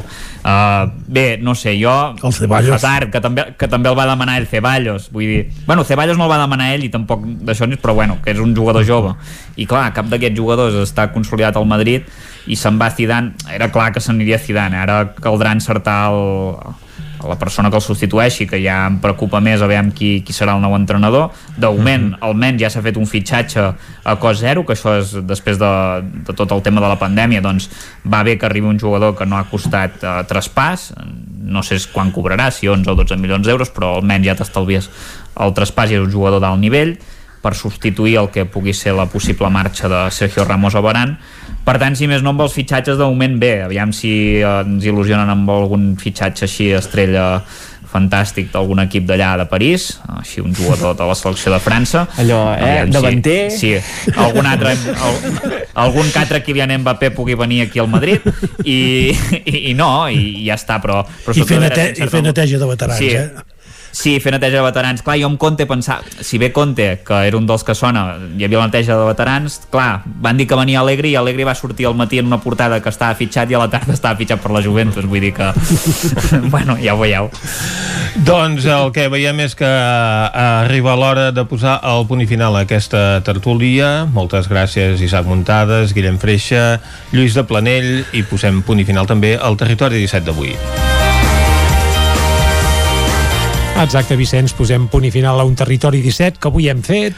Clàudia Dinarès, Caral Campàs, David Auladell, Isaac Muntades, Pep Acosta, Isaac Moreno, Txell Vilamala, Jordi Vilarrodà, Òscar Muñoz, Esther Rovira, Eloi Puigferrer, Jordi Sunyer i Vicenç Vigues. Nosaltres tornarem demà, com sempre, des de les 9 del matí i fins a les 12 del migdia. Adeu. Adeu. Territori 17, un magazín del nou FM. La veu de Sant Joan, Ona Codinenca i Ràdio Cardedeu amb el suport de la xarxa. El nou FM.